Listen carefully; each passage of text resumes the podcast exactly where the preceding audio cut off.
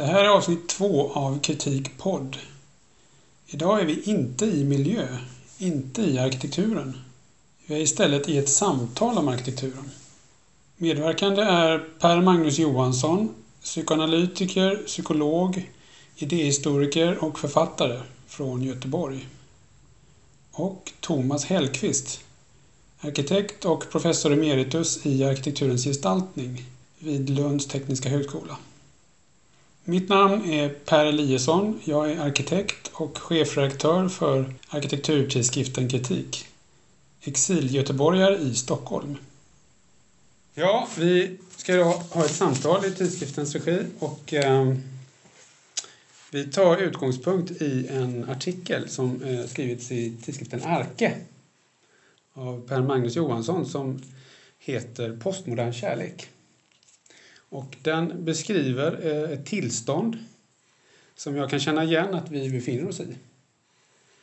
Och eh, som också då kan beröra vårt ämnesområde som är arkitektur. Så att eh, det drabbade mig ganska mycket när jag hittade den här och läste artikeln. Så att vi har Per Magnus här idag och vi har också Thomas Hellqvist här. Som är, vår, som är tidskriftens vän.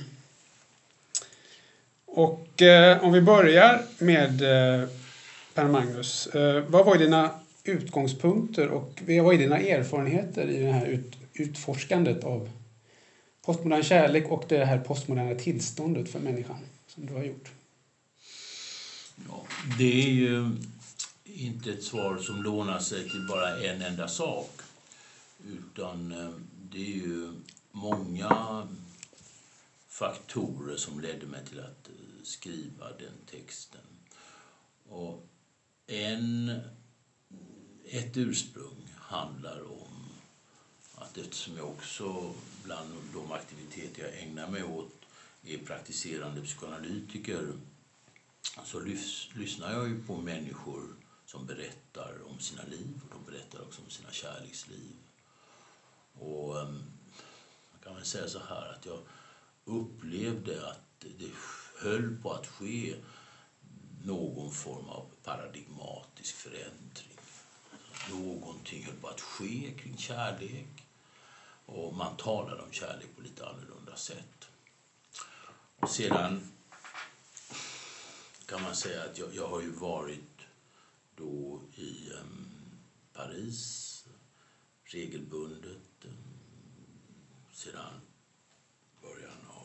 slutet av 1970-talet. Och där har det funnits en diskussion kring, kring kärlek och ett antal författare som har varit betydelsefulla för mig och som jag har intervjuat och som jag har läst och som jag har influerats av och där frågan om kärlek har varit central, liksom frågan om postmodernismen. Så det startade för dig också under 70-talet? Ja, det gjorde det i slutet av 70-talet, början av 80-talet. Slutet, ja. Ja, det gjorde. Ehm, och sedan uppfattade jag, tror jag, att eh, det fanns ett sätt att tala om kärlek eh, som jag upplevde störde mig. Mm. Eh, det fanns någon form av ytlighet, någon form av eh, till exempel att man kunde säga jag älskar dig. Och eh, det var egentligen utan implikationer och utan konsekvenser. Utan det var ett tomt ord som kunde rättfärdiga, en tom fras som kunde rättfärdiga vad som helst. Och då fick jag också en känsla att några författare som har betytt ganska mycket för mig eh, och som jag hade också i mitt minnesspår parallellt med, med mitt arbete som psykoanalytiker hade skrivit om kärlek och då fick jag lust till att eh, på något vis rekonstruera någon del av denna ofantliga litteratur som finns om kärlek och på något vis eh, se vad har historien att säga om det som har skett med avseende på kärlek och vad är det som håller på att ske. Och jag tror också att en sak som berörde mig mycket och som ju är en, en fråga som är ganska normalt att reflektera över i min situation det är ju alltså, de som skriver på kultursidorna i de stora dagstidningarna har vissa tankar, vissa erfarenheter. Människor som eh, inte talar om kärlek men lever i kärlek eh, förmedlar någonting annat. Poesin och saknaden i förhållande till kärlek något tredje. Och Anna Lysander, eh, som ju allmänhet är eh, psykologer och psykiatriker och forskare. Eh, de talar om det här på ett ytterligare ett sätt. Och då fanns jag, kände jag att jag ville på något vis underkasta mig någon form av reflektionsarbete kring det här.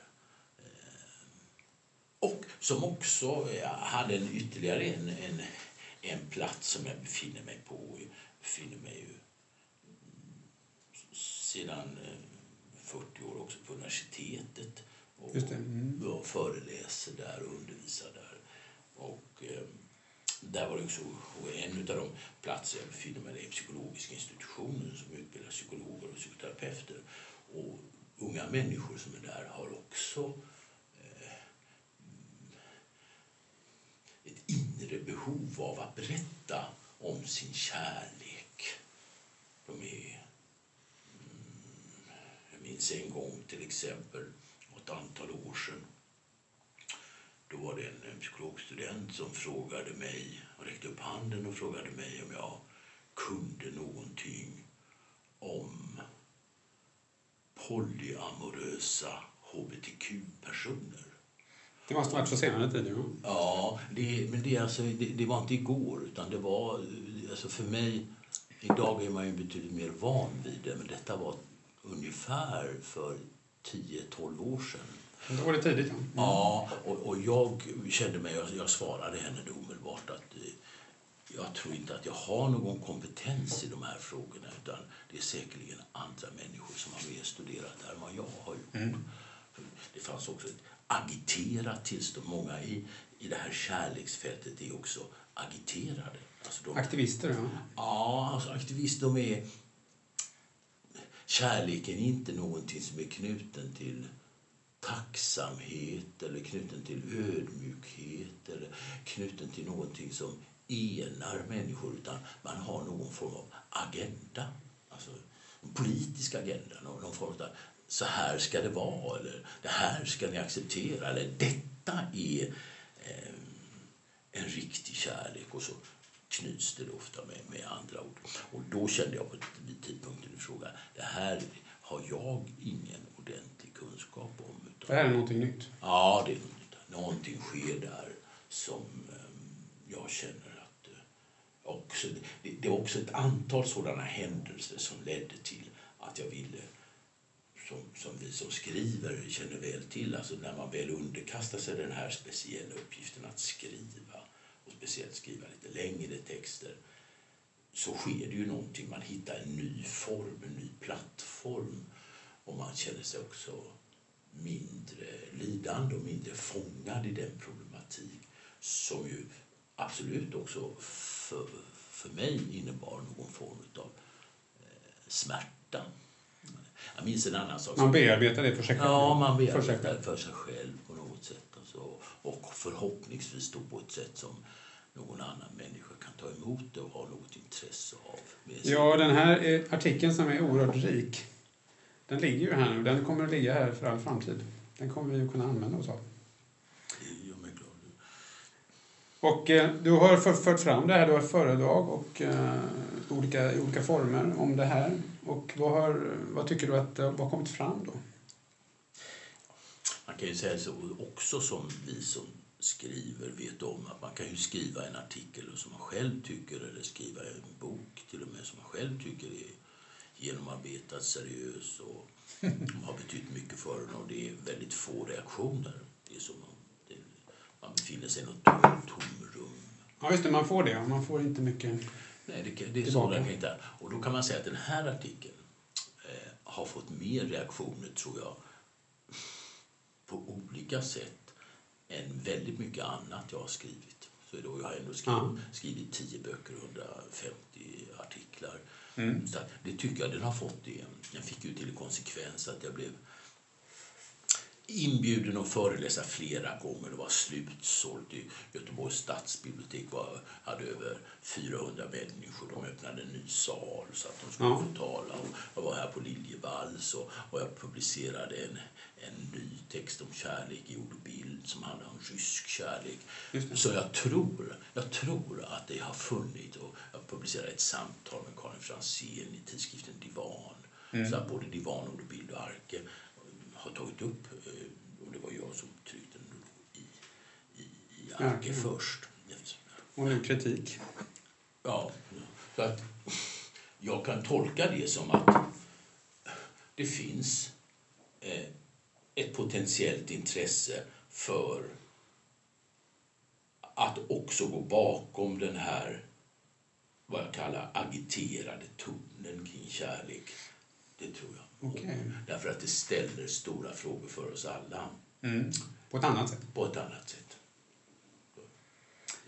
Men den kan ju tyckas då... Tid, eller, eh, rubriken är ju, kan ju tyckas smal egentligen. Det kan handla om kärlek. Postmodern kärlek. Men jag tolkar det definitivt och väldigt omedelbart som hela tillståndet. Hela vårt tillstånd. Eh, Det, med hjälp av det här. Så det är därför jag vill ta upp det och föra det vidare in i vår värld.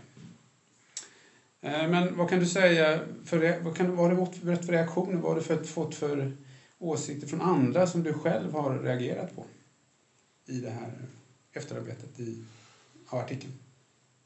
Med reaktioner menar jag hur de har värderat ehm, Ja, och det, det samtal som har uppstått. Ja, ja. Som du, och så, ja, jag tycker det har varit väldigt intressanta samtal eh, som har varit viktiga för mig. Också baserat på, tror jag skulle kunna kalla ett bortträngt, ackumulerat behov att tala om väsentligheter eh, I vår tid, ja. i vår tid. Vad är det som håller på att ske?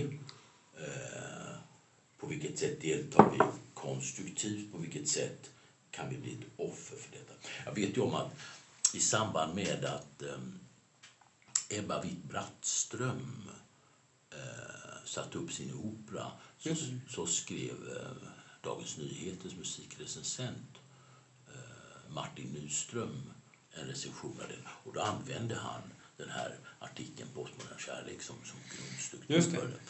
Och det fick jag också ett tecken på att no, no, det måste beröra någonting.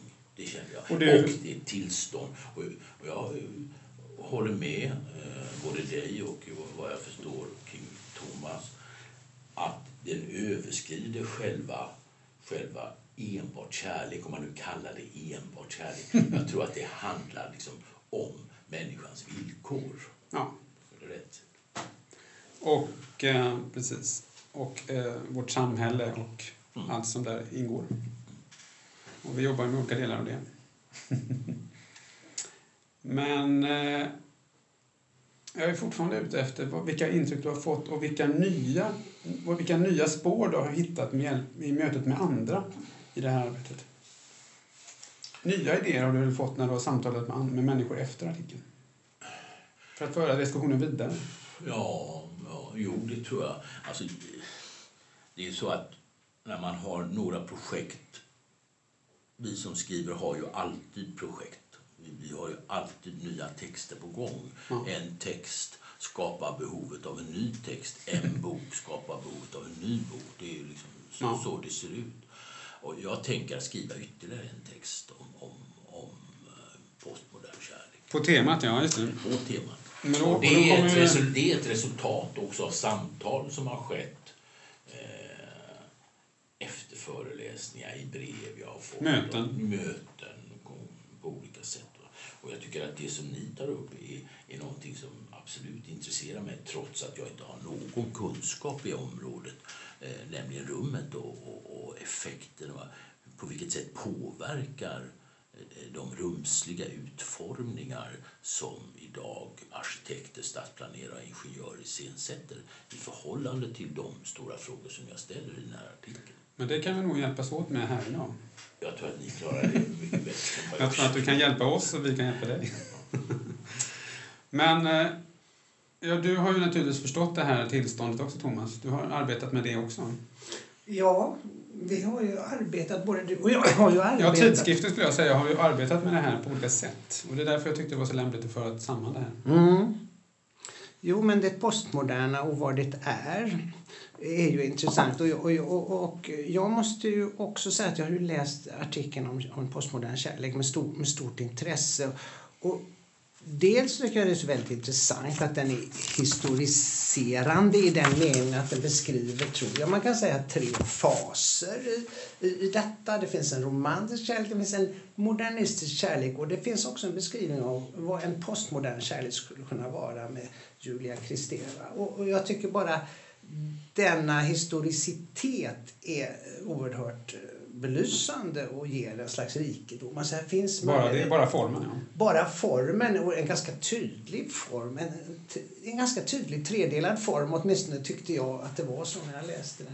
Så det är ju det ena. Och det, det där jag håller med Paminus. Ja. ja. Det är ju jätteintressant att vi lever liksom i förändringens... Vi lever i en förändring och att försöka eh, nagla fast vad denna förändring är genom att, att, att eh, titta på tre faser är, är ju spän, alltid spännande och stimulerande.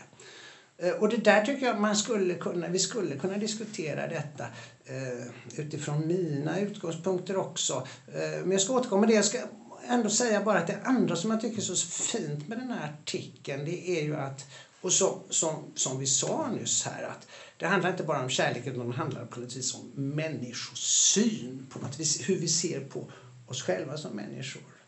Och hur vi blir hur vi på olika sätt blir till som människa i relation till det andra, till den andra människan. Och, och där tycker jag att, att, eh, att den romantiska kärleken, som ju, som ju du säger är, kan formuleras, utom du citerar någon som säger du är mitt jag.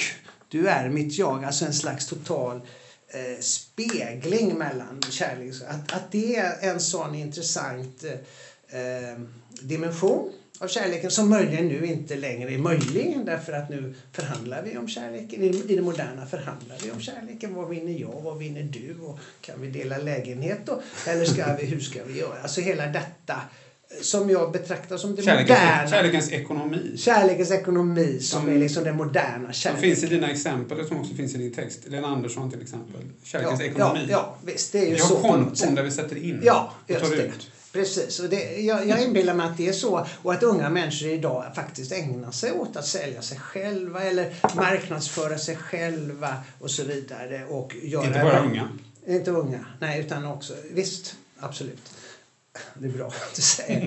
eh, men sen så, så pekar du framåt mot någonting annat, en annan form av kärlek då som, som du försöker beskriva med hjälp av Kristeva. Jag tycker det där är, är, är jätteintressant.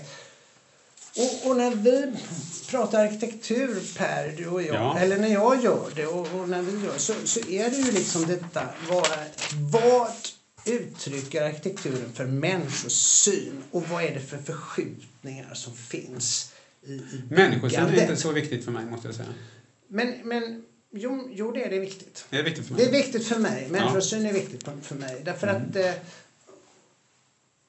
jag tror det. Därför att jag tror faktiskt att, att eh, det är i en byggnads människosyn som brukaren kan liksom känna igen sig. Identifikationen finns kanske? Identifikationen finns där. kan du säga sätt. någonting om det? Man känner ju igen det, att vi behöver identifiera oss med vår fysiska miljö och våra rum.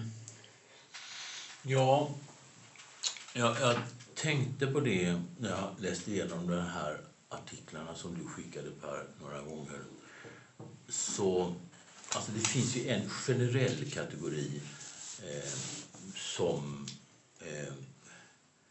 är absolut i hjärtat av vad det innebär att vara människa. Och det är förhållandet mellan bevarande och förändring. Ja. Eh, bevarandet eh, kan eh, å ena sidan vara en form av systematiskt igenkännande, eh, form av trygghet, en form av eh, kontinuitet som man har inneboende behov av. Där känner vi igen Thomas. Ja, I arkitekturen. det gör vi. Mm. Å andra sidan kan det då leda till bristande eh, förvåning, överraskning, behovet av att erfara något nytt. Och, och, och å andra sidan kan eh, den, den eh, iscensättandet av någonting helt och hållet nytt är också för människor, naturligtvis beroende på vilka åldrar de befinner sig i, men för de som befinner sig i medelåldern eller där däröver som har en lång historia till hur någonting en gång har varit. En personlig historia. En personlig historia. De kommer att drabbas av förändring och en, en, ett sätt är då krampaktig nostalgi, eh, ångest, eh, obehag inför förändring. Alla de reaktionerna är liksom högst rimliga och måste betraktas som mänskliga reaktioner. Så det kan man inte ironisera över. Liksom. Då, då vill man att människan ska vara någonting annat än vad den är. Sen är ju det tragiska, och det är ju att eller det, låt oss säga först det svåra. Det svåra är ju att identifiera när förändring är vitaliserande och när förändring snarare pekar på någonting regressivt, någonting som är en tillbakagång trots att det ser ut som en förändring. Förändringen kan vara regressiv. Förändringen Kan du utveckla det lite? Ja, alltså... Varje förändring är inte ett framsteg. Det skriver jag under på. Ja, varje förändring är inte ett framsteg.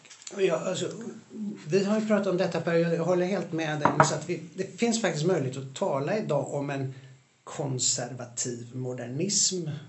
Och mot det brukar jag ju sätta en radikal romantik. Alltså. Och det, det, kan man, det kan man diskutera, eller det är ju ett spetsa till. Ja, det, det är Det är en förenkling. Det är en förenkling, men det säger någonting. Ja, det säger någonting. Eh, För, för jag, jag tror precis vad det är som, som du säger. Att, att mycket förändring är eh, in, lanseras som en, en, en förbättring och, och så vidare. Va? Men i själva verket inte är det. Utan i själva Mm. Inte självklart. inte självklart Inte är det, utan, utan kan vara vara också kri- väldigt... vi måste vara kritiska ja, måste vara ett, ett slags konserverande utav, utav eh, status quo kan ju faktiskt väldigt mycket förändring vara. Eh, Så då måste man, i varje- jag tycker, det tycker jag definitivt när det gäller arkitektur och det, det, det allmänmänskliga också, att man måste överväga förändringen och det man gör mm, och se att det är, verkligen är, om det är en förbättring eller inte. Det är ingen självklarhet. nej. Nej. Och sen är Och frågan det gör om, man genom kritiken och det gör man också som kreatör.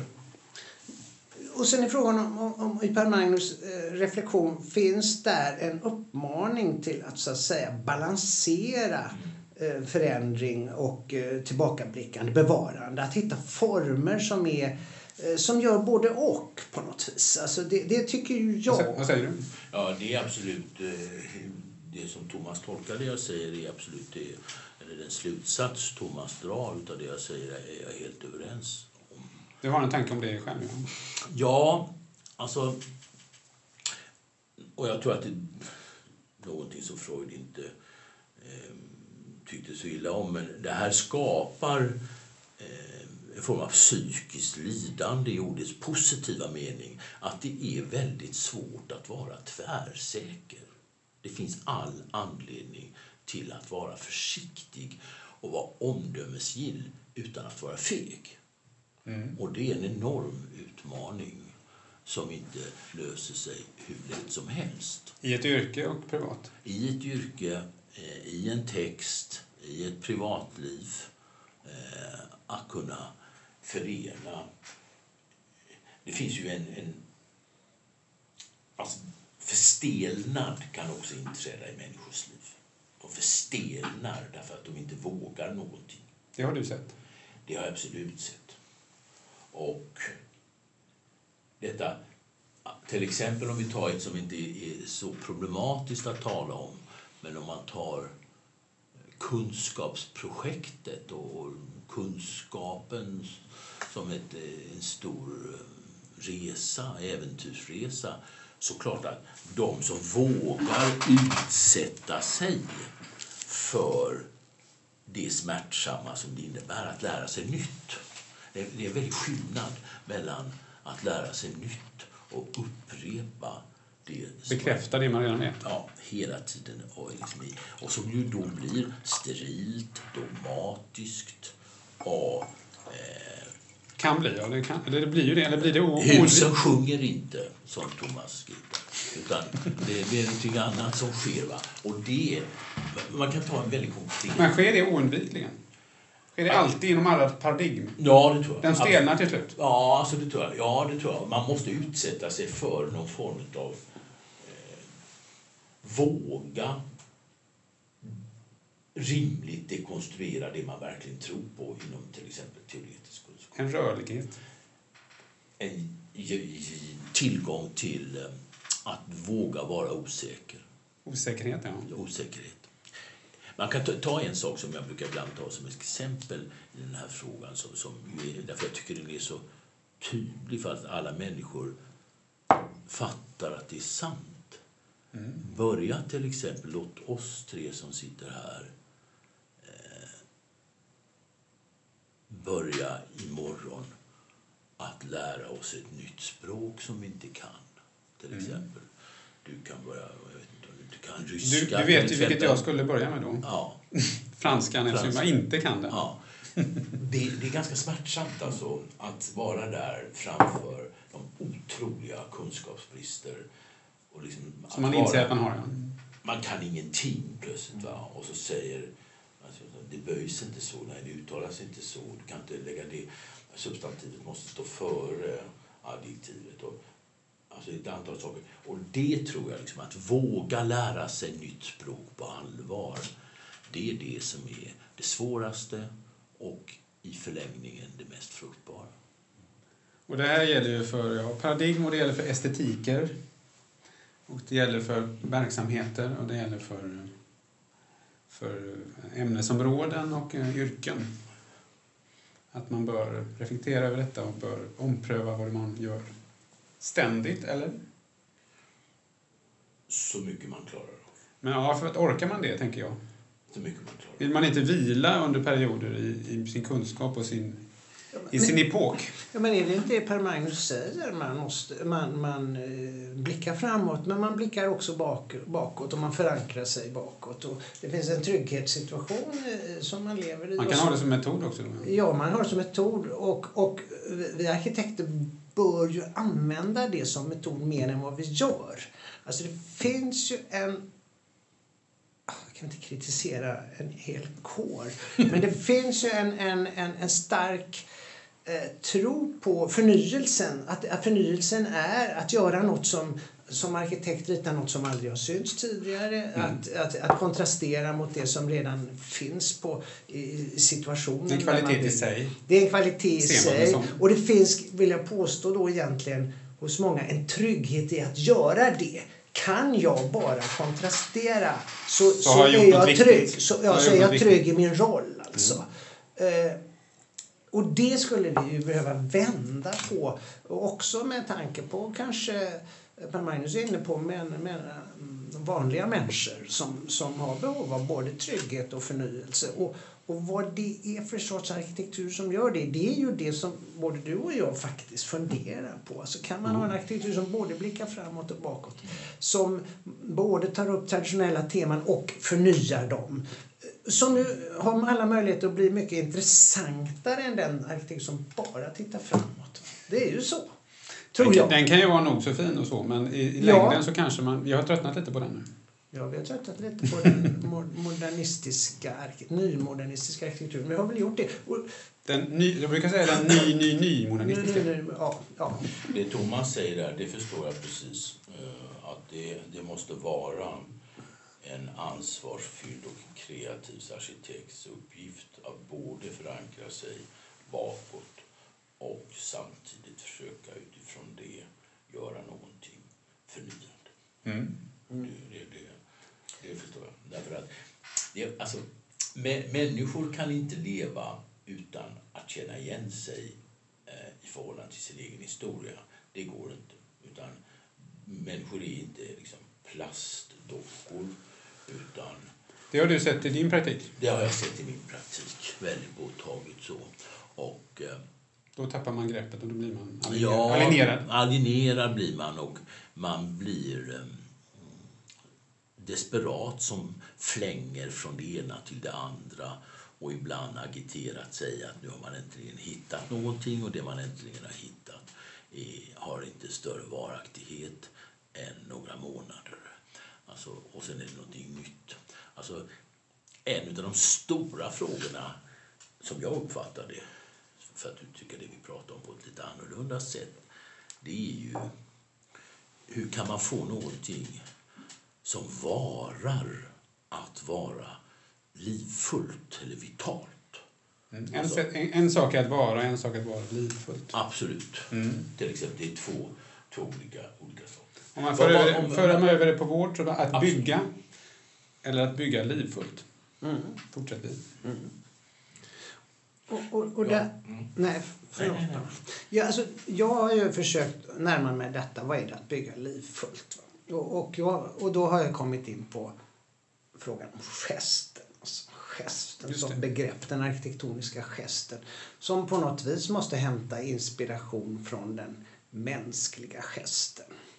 Och eh, därför, sök, därför är jag ju kritisk till den... Det är ett bra sätt att anknyta till människan i alla fall. Ja, just det. Om man, eh, Eh, Och, och, och få en arkitektur som svarar eller som representerar, uttrycker en människosyn. En, nära, alltså en arkitektur nära människan. En arkitektur nära människan måste ha en gest, eh, och egentligen en mänsklig gest.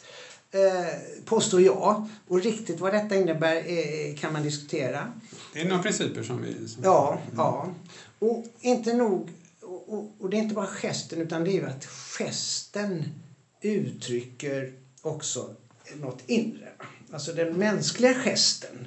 Hur jag hälsar på någon. Jag kan hälsa på någon genom att ta i hand eller klappa i ryggen. På en mängd olika pussa. sätt. Ja, På en mängd olika Och då uttrycker jag också eh, eh, olika inre tillstånd eller olika eh, Som, som i sin tur uppfattas på, Ja, som på uppfattas nästa på- sätt. Ja, just det. Och det, är där, det, det är därför som gesten också är viktig i byggnaden. Den uttrycker alltså en, en, en geist, en själ, en andlighet som är eh, mänsklig. Och det är detta, så, detta kan byggnader göra. detta kan byggnader absolut göra. Och städer. Ja, städer också. Och rum. Ja, det kan de nog göra. Ja. Men vi är dåliga på det nu. I den, i den, i den arkitekturparadigm vi lever i nu så, är det, så, är det, så har vi oerhört få byggnader som bär på en gest. Och det har att göra med, menar jag, eh, den instrumentella rationalitis, rationalismen, eh, modernitetskulturen, där byggnader är verktyg. Men det är också en gest. Ja, jag vet. Nej, det är inte en verktyg. Utan verktyget är något som är utanför oss. Men det kommer väl ändå ur människan också? Ja, det är riktigt. Det gör det. Ehm, Män, människan gör ju verktyg. Människan gör Det är det enda- enda djur som gör det. Men hon distanserar också verktygen från sig själv. De är, verktygen är utanför oss. Va? Det är en distans. Koppen är utanför mig. Eh, och eh, Om man hyllar koppen mer än gesten så, Ja. så har man ett problem. så har man ett problem. Precis så. Precis så skulle jag säga. Och det, det, det kan jag tycka att vi har gjort. Vi har hamnat i ett, i ett tillstånd där, där arkitekturen är självbespeglande. Och den, den bekräftar sin rätt i sig själv. Ja, ja. Och då är den frikopplad ganska mycket från man, människan och samhället, samhället. Kan du känna igen detta i det som du Ja. känner, det som du vet någonting om konkret? Att vi, har liksom, vi, vi ställer fram någonting som är en produkt av oss själva men vi, vi, vi, vi håller den högre än processen och den som har gjort det. Ja, ehm, så...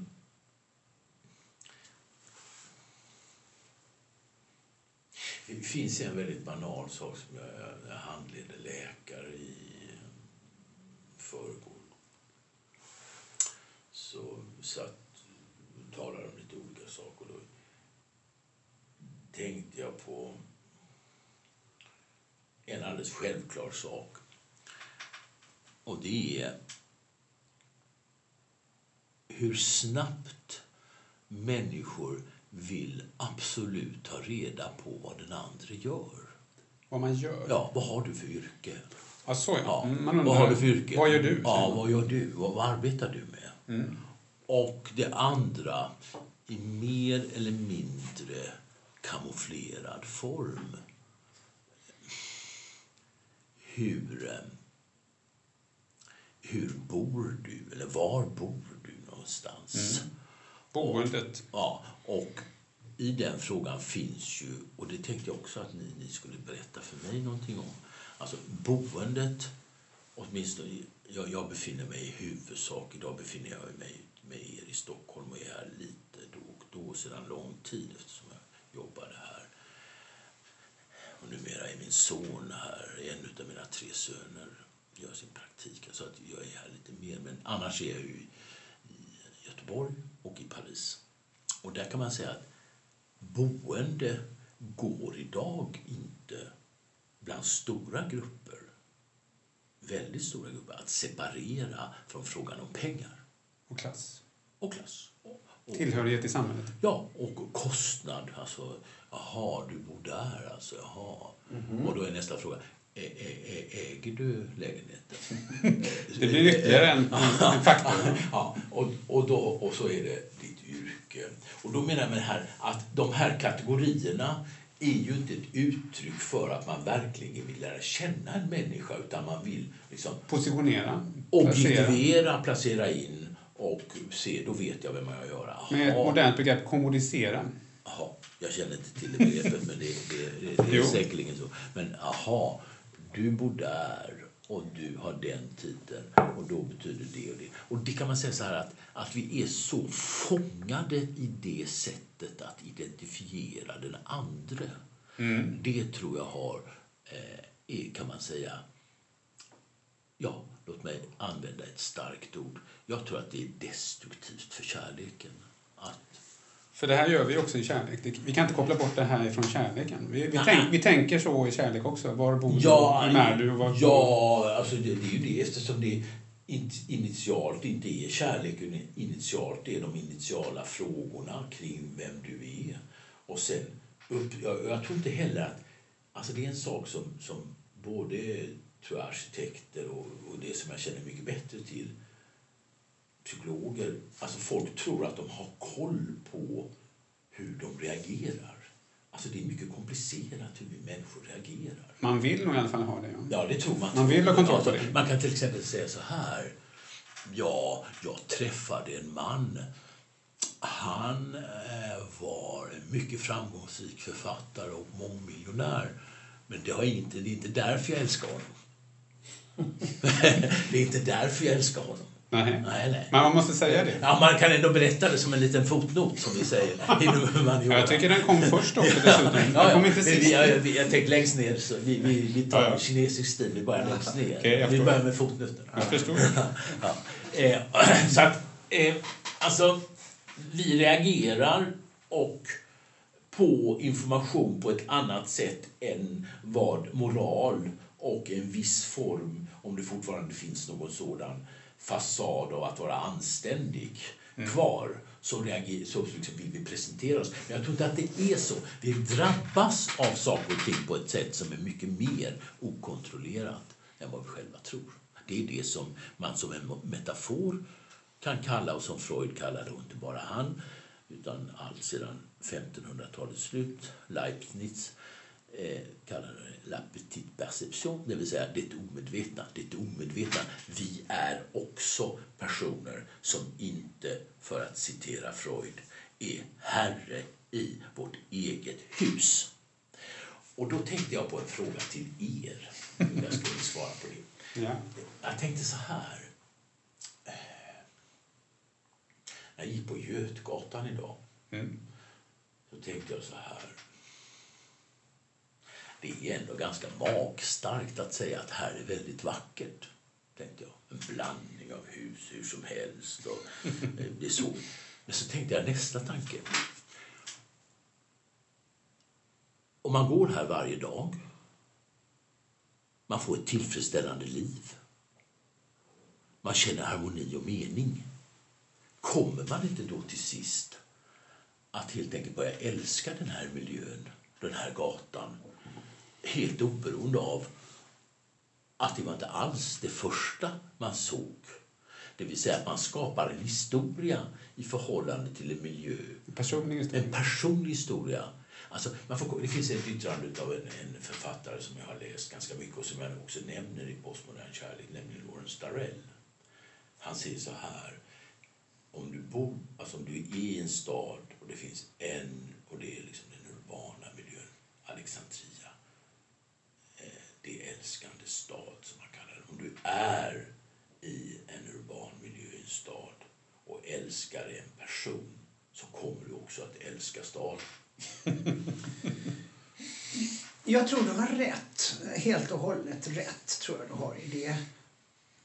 För arkitekter är det ett problem. För det, slutsatsen är att anything goes. Ja. Så, så där, det, det hjälper oss Nej. inte riktigt. Nej. Men jag tror du har helt rätt. Ja, så det är precis som du Ja, säger det. ja. Jag håller helt med dig. Ja. Det, det kan inte leda till slutsatsen att anything goes. Nej, bara nej, det är på det nej, bara för att det är Alltså, så. Och det, det är så man har sagt om klassrum och så vidare. Klass, jag menar, en, en, en, en bra lärare kan undervisa i ett plåtskjul. Alltså det behövs, det behövs inget klassrum. Eller en bra lärare kan undervisa ute i öknen. Alltså. Mm. Och, och, men då kan man inte dra slutsatsen att man inte måste jobba med klassrummets utformning. Ja, just det. Eh, Men, men, men, Jag fattar precis. ja, så är det ju. Men då skulle det här inte vara användbart för en arkitekt, det du säger nu då? Nej, det, inte, det hjälper oss inte Nej, det riktigt. tror jag. Jag tror inte att det är användbart för en arkitekt i betydelsen att det hjälper er konkret. Nej. Men insikten är kanske nog så viktig. Och, det, och den är naturligtvis viktig i förhållandet när vi går in och ändrar på Götgatan. Som du har varit inne på.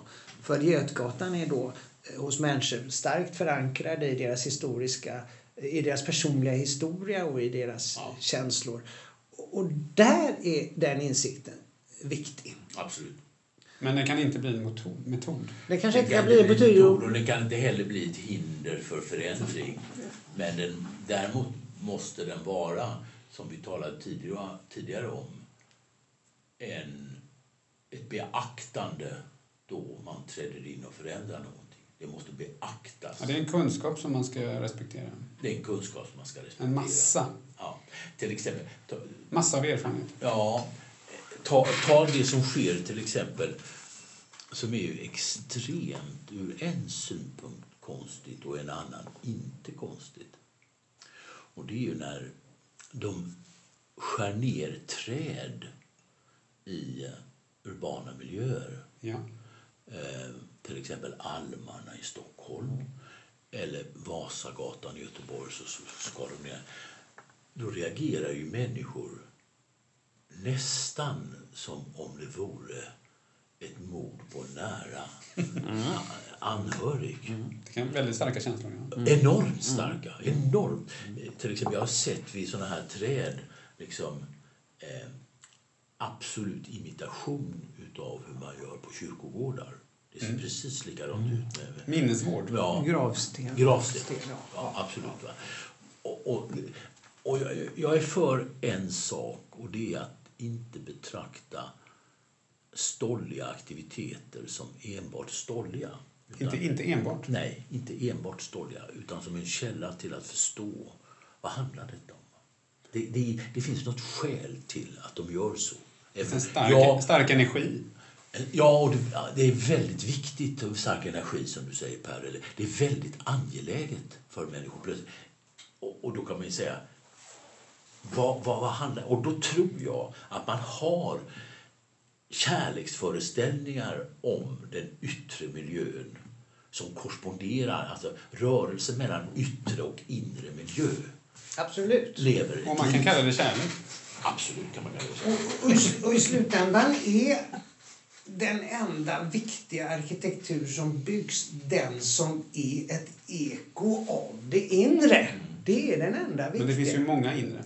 Ja, det finns många olika inre och, och därför finns många olika sorters arkitektur. Ja. Men en arkitektur som inte är ett eko eller en respons eh, av en inre Från värld. något inre. Från något inre. Den säga. är dålig.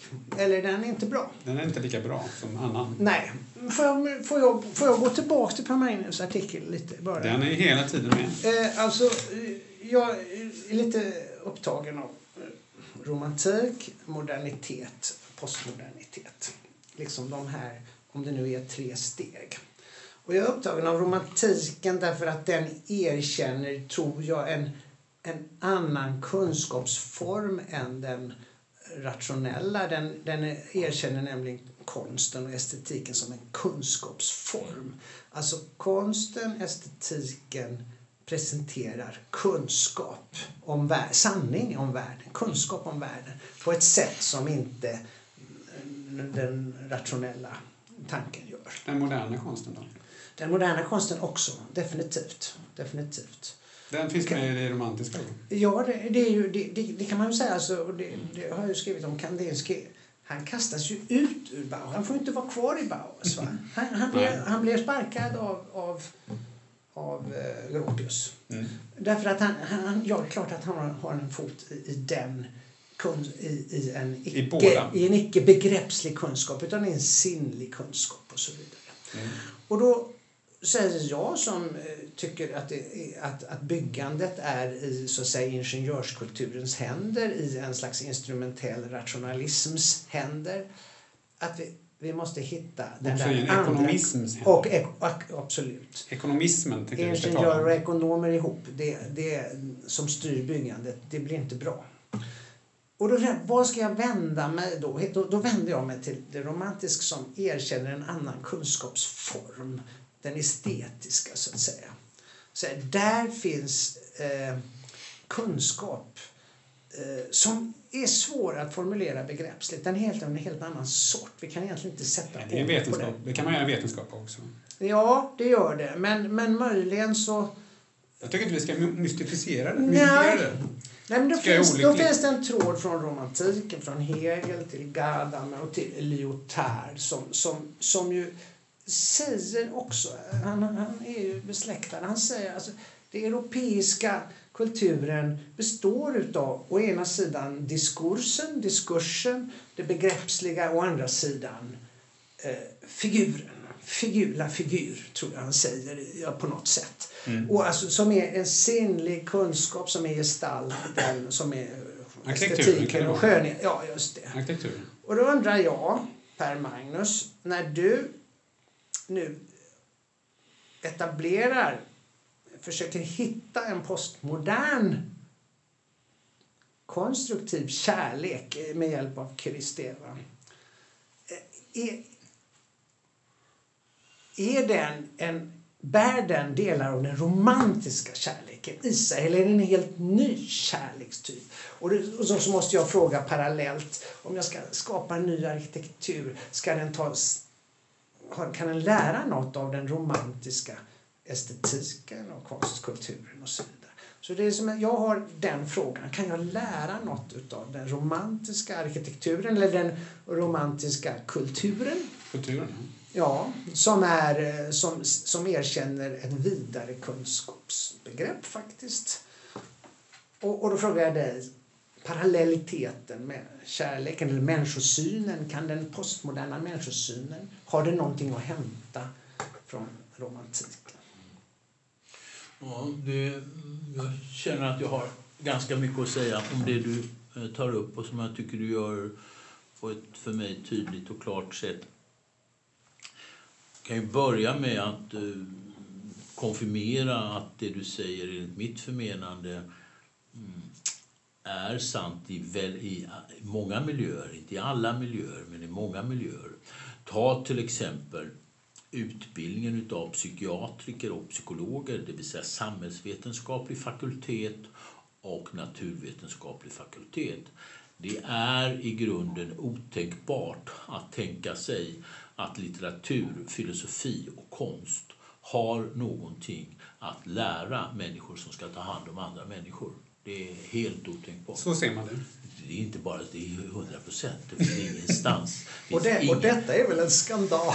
Ja, det får man säga. Det är väldigt Jag speciellt. tycker det låter oerhört. Ja. Ja, det visar på att du inte är eh, och undervisar där och inte har kontakt, närkontakt med det. Det finns ingen, eh, ingen psykologutbildning som på något vis tänker sig att de fälten kan fördjupa eh, kunskapen om människan. Om man tänker, så att säga, en väldigt banal tanke som ju har sitt ursprung i en form av missförståelse av upplysningsprojektet. Man tänker sig att kunskap per definition är ackumulativ. Mm. Man samlar på sig den. Man gör tidigare kunskap onödig. Aha, man Alltså tidigare kunskap är ju är alltså, tek, alltså Det är passé. Ja, alltså, men man kan ta det väldigt, väldigt enkelt. En bil som har producerades 1912 är inte lika trafiksäker som en bil som, som eh, gjordes 2018. Och det är ju sant kring bilar. Det är sant. Det är sant. Och däremot är det som jag brukar säga när jag undervisade psykoterapeuter sist, väldigt få litteraturvetare som tänker sig att alla svenska författare skriver bättre än Frans Kafka, skriver bättre än eh, James Joyce, skriver bättre än Marcel Proust. För att de skriver nu. För att de skriver nu. De, de är ju döda, alltså borde deras texter vara inaktuella eftersom de är döda. Det är grundstrukturen kring människokunskap, att vi ackumulerar kunskap. Thomas har absolut helt rätt i den frågan. Eh, och om man föreslår att de ska läsa en text, till exempel jag var med och gjorde August Strindbergs, eller gav ut Ensam av August Strindberg som handlar om, om August Strindbergs sätt att diskutera i litteraturens form ensamhetens problematik. Och när han vandrar runt här i Stockholm på gatorna och eh, reflekterar över kommunikation som man har med människor som man inte talar med, som är en underbar text. Man kan säga att 99 procent av de som är ansvariga för psykolog eller psykiatriutbildning uppfattar inte det som en relevant text för att förstå någonting kring ensamhetens problematik. Och det är eh, till, från min utgångspunkt, en form av, av allvarlig missuppfattning av vad en människa är.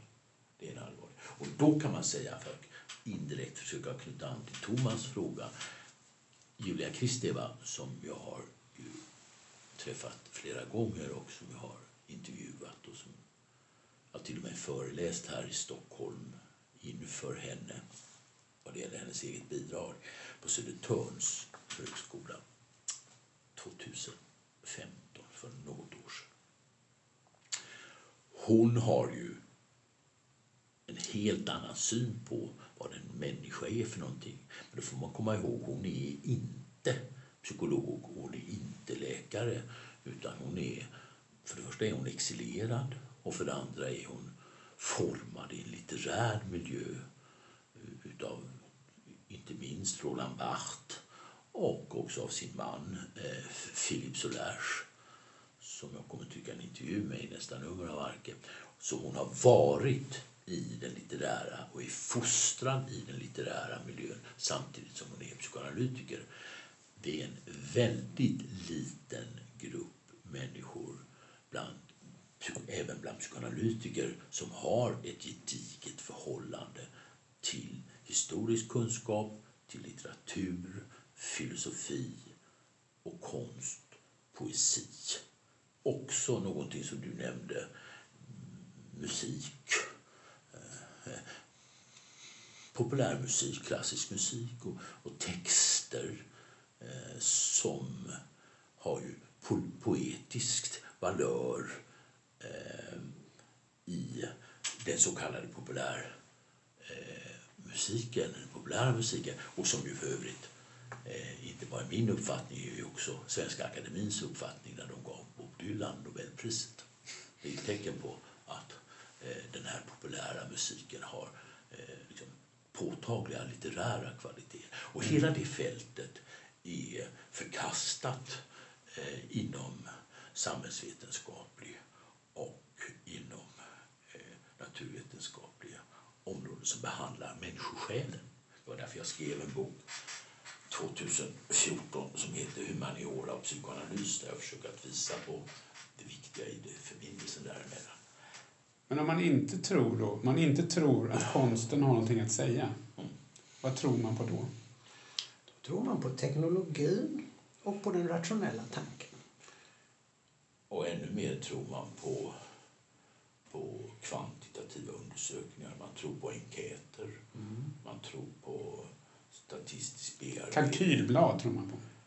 Man tror på kalkylblad. Ja, det kan man säga. Och så finns det en helt fantastisk sak och som jag tänkte att jag skulle vilja höra er prata om och som gäller detta. Alltså, alltså det är en fråga som intresserar mig mycket och som vi har varit inne på. Thomas har antytt det också lite. Och du har sagt en, en, en retoriskt bra fråga som, som man får försöka reflektera över. Alltså, som varje intellektuell människa förstår, det en människa säger om någonting är inte identiskt med sanningen. Eh, det kan man dock inte negera. Alltså varje gång en människa säger någonting så förutsätter man a priori att personen ljuger. Det är naturligtvis inte heller på det sättet. Men det är ett komplicerat spel mellan det som man inom hermeneutik kallar latent och manifest. Alltså själva tolkningen av ytan. Och då har jag liksom en, en tanke. Alltså, vad skulle man idag inom arkitekturens värld vilja lyfta ut som så att säga skulle kunna göra, om jag uttrycker mig så lite, lite okvalificerat, men att människors lyftes genom den här miljön som arkitekter skapade som öppnade människor till exempel för möten som gjorde att rummet blev tillgängligare för människor. Vad är det för arkitektur som skulle kunna göra det? Och som då inte kan lösas genom att man frågar människor vill ni ha parker och säger de ja. Och får, ja, då liksom 80% säger ja, då säger sig då bygger vi parker. Eh, eller på grund av att 80% bygger säger ja att vi ska bygga parker ska vi inte bygga en jävla park. Alltså det, det går inte liksom lösa på det sättet. Alltså enkäten kan möjligen vara ett bland väldigt flera instrument. Det finns en tolkning kring det man skulle kunna kalla essensen eller l'esprit eller Geist, tidsgeisten mm. som också fick så att säga kalla det demokratiska konsekvenser eller mänskliga konsekvenser och som skulle möjliggöra att det bästa hos människan som potentiellt finns där fick plats i större utsträckning. Hur ser den arkitekturen ut? Det är en väldigt svår fråga, men den är ju nog så väsentlig. Eh, vi kan ju konstatera att sen hundra år eller mer så har arkitektutbildningen i Sverige legat på de tekniska högskolorna. Eh, det är, den är alltså starkt lierad med ingenjörsutbildningen. Den är starkt kopplad till synsätt på kunskap som ligger nära det du beskrev nu för, för psykologer. Alltså det är eh, kunskap som, som är mätbar. Ja. Mätbar, ja. ja. Eh, så att, svaret skulle jag ge, vilket inte är så tydligt. Jag skulle säga att eh, det är en arkitektur som eh, presenterar gester. Och gester eh, producerade av arkitekter som har det som du efterlyser, nämligen kunskap i konst, litteratur, historia och poesi. Har kultur, vi så, kultur, ja. ja. kultur. Samhällskultur. Ja, har vi arkitekter där som får göra utifrån det konstnärliga gester så skulle detta kunna uppnås. Det skulle också kunna bli failures också, men så skulle det kanske kunna skulle kanske kunna uppnås det som du efterlyser, en, miljö som lyfter, människor, som lyfter människor. Inte alla människor, vi är olika. Men det, detta är ju också ett av modernitetens förbannelser, nämligen subjektiveringen utav det estetiska, nämligen mm. att allt egentligen bara är smak. Eh, och, och som relativiterar det estetiska. Det är ju en eh, förbannelse för det är inte, det är en, det är inte sant heller. Men vi har ingen riktiga verktyg att hantera det utan vi får acceptera att du tycker så och den tycker så. Fru Andersson tycker så och det är någon som vill ha park bara. Eh, och, och vi har ju väldigt svårt att hävda en en, en sanning som överskrider dessa, dessa olika tyckanden. Och, och, och här får jag, får jag också gå, jag får gå långt tillbaka för, till romantiken för att hitta föreställningen att det finns en, en kunskap i skönhet, en, en objektiv kunskap i skönheten och i konsten. Eh, det är ju jättesvårt att hävda det idag. Det är nästan omöjligt. Därför att eh, vi, vi har accepterat... Vår objektivitet är ju lite annorlunda idag. Ja, det är en annan sorts objektivitet som mm. gäller. Men det, det Thomas säger där tycker jag, jag, jag, delar helt det.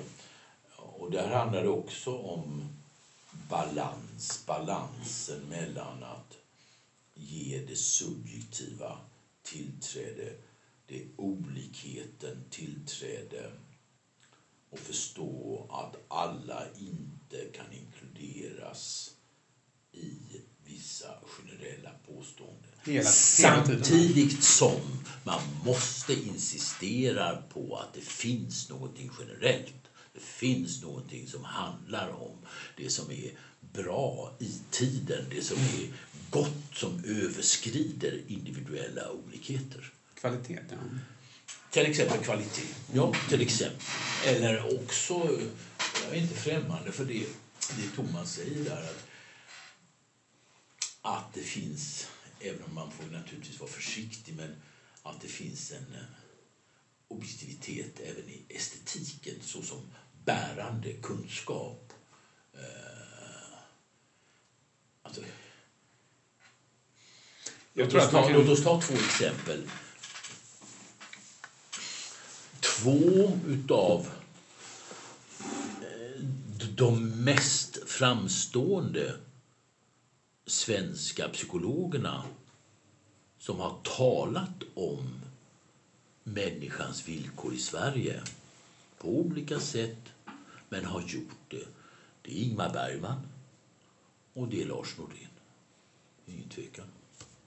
Det är liksom, de, de fångar någonting. Som sakkunnig säger du så också? Som sakkunnig säger det. De fångar någonting av den problematik Eh, som fanns närvarande för ett kollektiv, inte alla, Nej. inte alla, men ett kollektiv som var närvarande i det svenska samhället. Då, under en tid? Under en tid.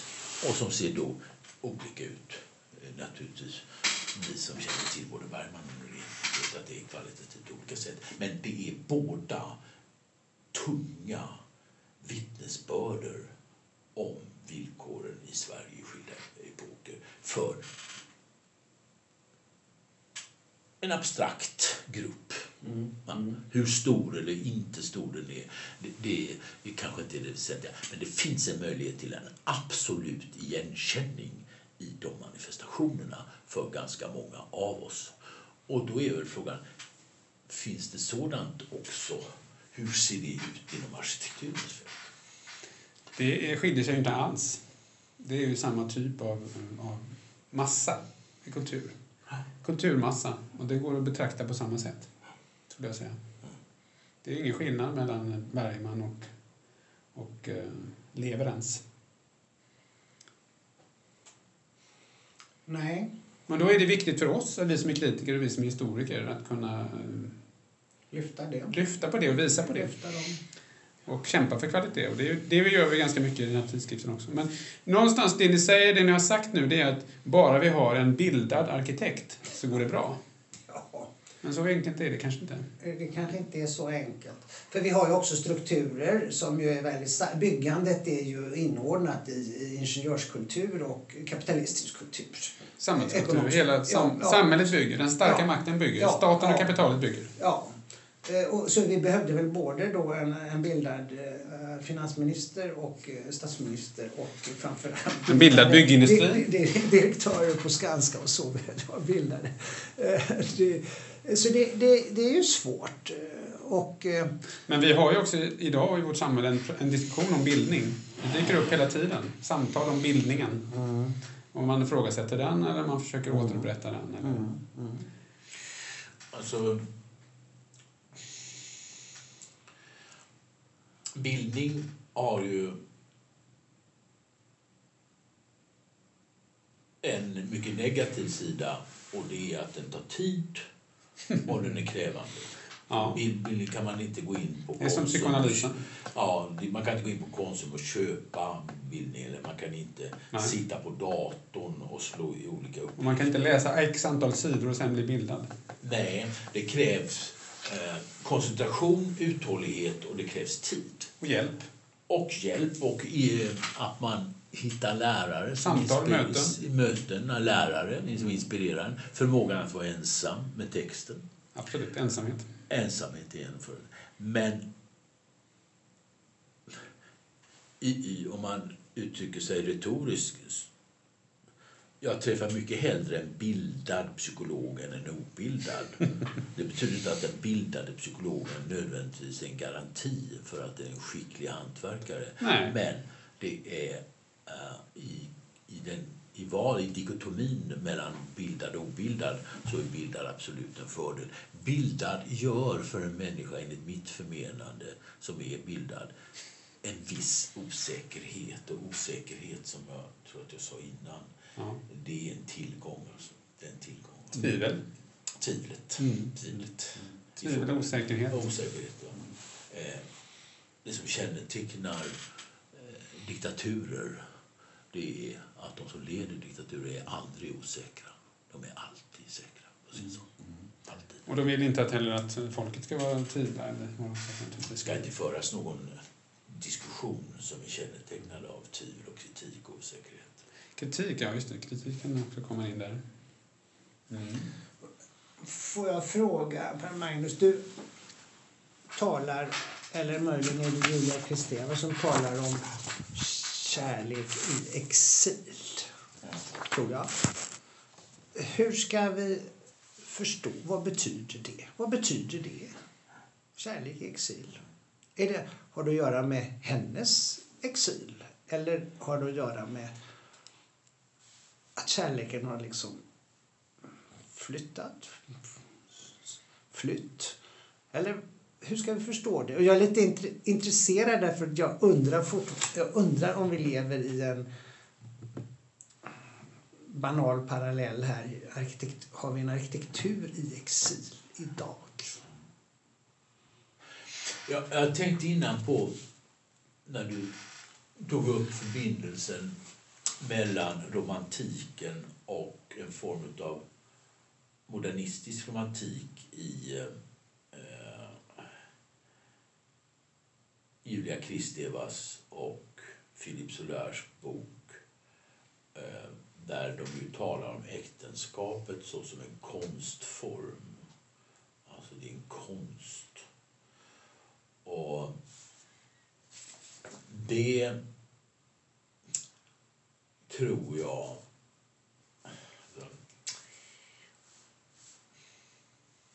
Alltså, det, det, finns, det finns ju alltid en risk när man talar om människor eh, som läser och skriver att man blir eh, anklagad för att vara elitist, vilket jag har blivit i många sammanhang.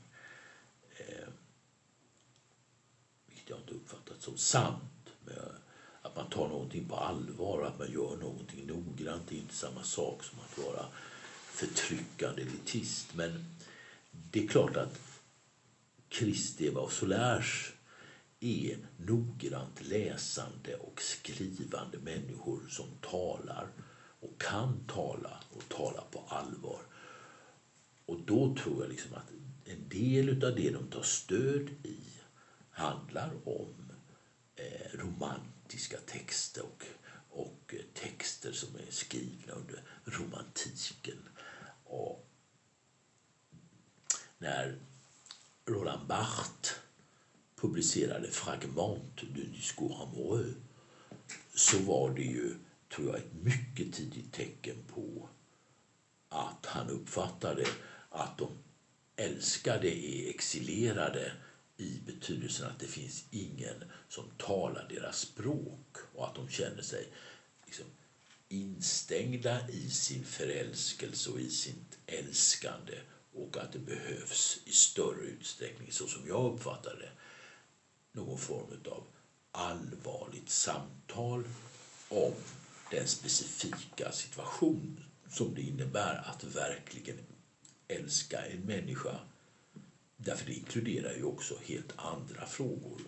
Till exempel att man är rädd att den andra ska dö, att man är rädd att man själv inte ska kunna göra det man vill göra med den andra. Man är rädd för att det ska ta slut och upplösas av eh, såväl yttre som inre skäl. Alltså hela den mänskliga existensen sätts på spel i samband med stark förälskelse eller stark kärlek. Och personer som, eller Julia Kristeva som ju också har skrivit en bok som heter Histoire d'amour där hon rekonstruerar eh, olika röster om kärleken. Hon gör ju det också, tror jag, för att visa på att man behöver inte vara så ensam om man går till historien. Det finns mm. liksom föregångare mm. som också är våra vänner när vi verkligen älskar. Och som kan... Men då fin det finns ett språk då? Och då fin jag tror att... Men idag? Ja, men problemet med, med det, det, och därför tycker jag det här med din musik var, var intressant. Alltså, läsandet uppfattar jag, alltså det är inte det ligger inte i tiden riktigt på det sättet att vi har så bråttom och det tar så lång tid att läsa. Och, och ska man läsa, det vet ju vi om. Jag läste förut en text av Anders Olsson som, också har, som är en underbar poet. Eh, alltså det är inte så att man ska läsa en bok en gång, man ska läsa om böcker. Hegel till exempel ska man läsa om massvis med gånger. Det är jättekomplicerat. Att hon är, jag har ju läst Freud de sista 50 åren. Eh, jag började när jag var 15 år och läsa Freud och jag läser fortfarande Freud. Därför att vi förlorar, vi glömmer ju, vi minns inte. Vi kan inte rekonstruera våra läsfrukter fullt ut. Och det är också mycket, alltså hela det att ha ett intellektuellt liv som ju det till sist innebär. Mm. Det, det, är naturligtvis om man ska lägga en sån där tråkig realitetsaspekt på det. Det är väl rimligt att tänka sig att alla inte kan ha det. Nej, det tror jag inte. Nej, det är liksom begränsat. Men, och därför tycker jag, liksom, i förhållande till Thomas, tycker jag väldigt intressanta och viktiga fråga, så tror jag liksom att att vara i ett antal texter och inte krampaktigt hålla fast vid dem. Det finns ju till exempel i den psykoanalytiska traditionen, precis som i den marxistiska traditionen, så finns det liksom, man upprepar eh, fraser och begrepp och liksom som inte, man har inte fattat att saker och ting har förändrats. Och så finns det då den andra sidan som säger att eftersom allting har förändrats har de här texterna inget värde. Nej. Och båda de två är liksom koko. Det är liksom koko båda två.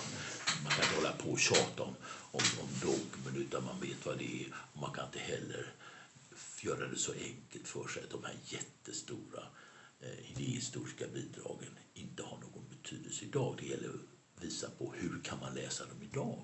Mm. Och då krävs det liksom mycket tid och läsandet är som jag uppfattar det en, en fundamental garanti för att vi människor verkligen ska bli människor. Mm.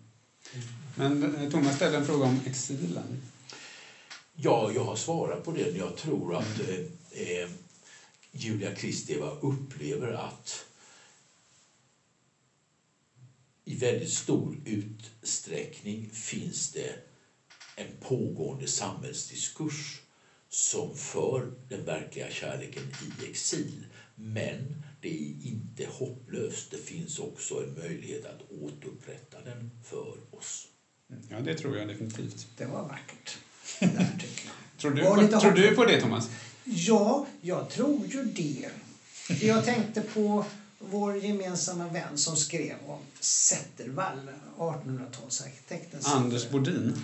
Ja, nej, Anders Bodin, nej, men eh, han som fotograferades. Johan Fåvelin. Johan Johan Fåvelin. Menar du? Ja, just det. Ja, jo, vi I tidskriften, ja. Ja, just det, tidskriften. Ja, han uttrycker sin beundran över Helge Zettervall som en 1800-talsarkitekt med stor rikedom, material och form och rikedom som i 1800-talet kan uppvisa. Mm. Ehm, I Göteborg är det Oscarskyrkan, tror jag väl som det är. Ja, just det. Ja. Eh, och då säger, vi har någon mejlkontakt om detta och jag säger, jag tror att Zettervalls rikedom kan återupplivas och återerövras. Men jag vet inte hur. Men det Säger du då till, säger jag till, till Johan? Ja, säger jag till Johan. Och då säger du, ja, det, arkitekturen är i exil, men ge Kärleken, kärleken är hoppet. arkitekturen. Ja, Är i kärleken är i exil, vi ska inte ge upp hoppet om den. Utan och jag säger, ark- arkitekturen är i exil, men vi ska inte ge upp hoppet om en rik arkitektur ändå. Mm. Och du tror också på det? Ja, fast jag vet inte hur. Ja, Men men det, det var det vi skulle prata lite om idag, Det var det vi faktiskt. prata Och eh, Per-Magnus sa tidigare att eh, du hade sett någonting i den här artikeln som Mikael Askegren har skrivit. Ja, Som heter Människans mått del 1, kallade jag den. Han hade en annan rubrik själv. Men den har publicerats i kritik och heter Människans mått del 1. Och jag tycker att den är väldigt intressant själv för att den väcker viktiga frågor om arkitektur, om rum och om liv. Ja, jag, tyckte, jag blev väldigt drabbad av den där artikeln för jag tyckte den dels knyter an till min, min, min, min franska... Franska kulturen, ja, precis. Ja. Absolut. Och sen läste jag om den eh, ytterligare en gång idag när jag satt i eh, på Hallandsgatan Södermalm. Då satt jag där och läste den här. Och då lade jag märke till en sak som jag kanske tror vi skulle kunna ha som utgångspunkt. Och det är är den rätt översatt, den här enkla eh, titeln? Min natt med Maud. Ja. Jag kan inte svara på det. Nej, men det kan jag. Mm.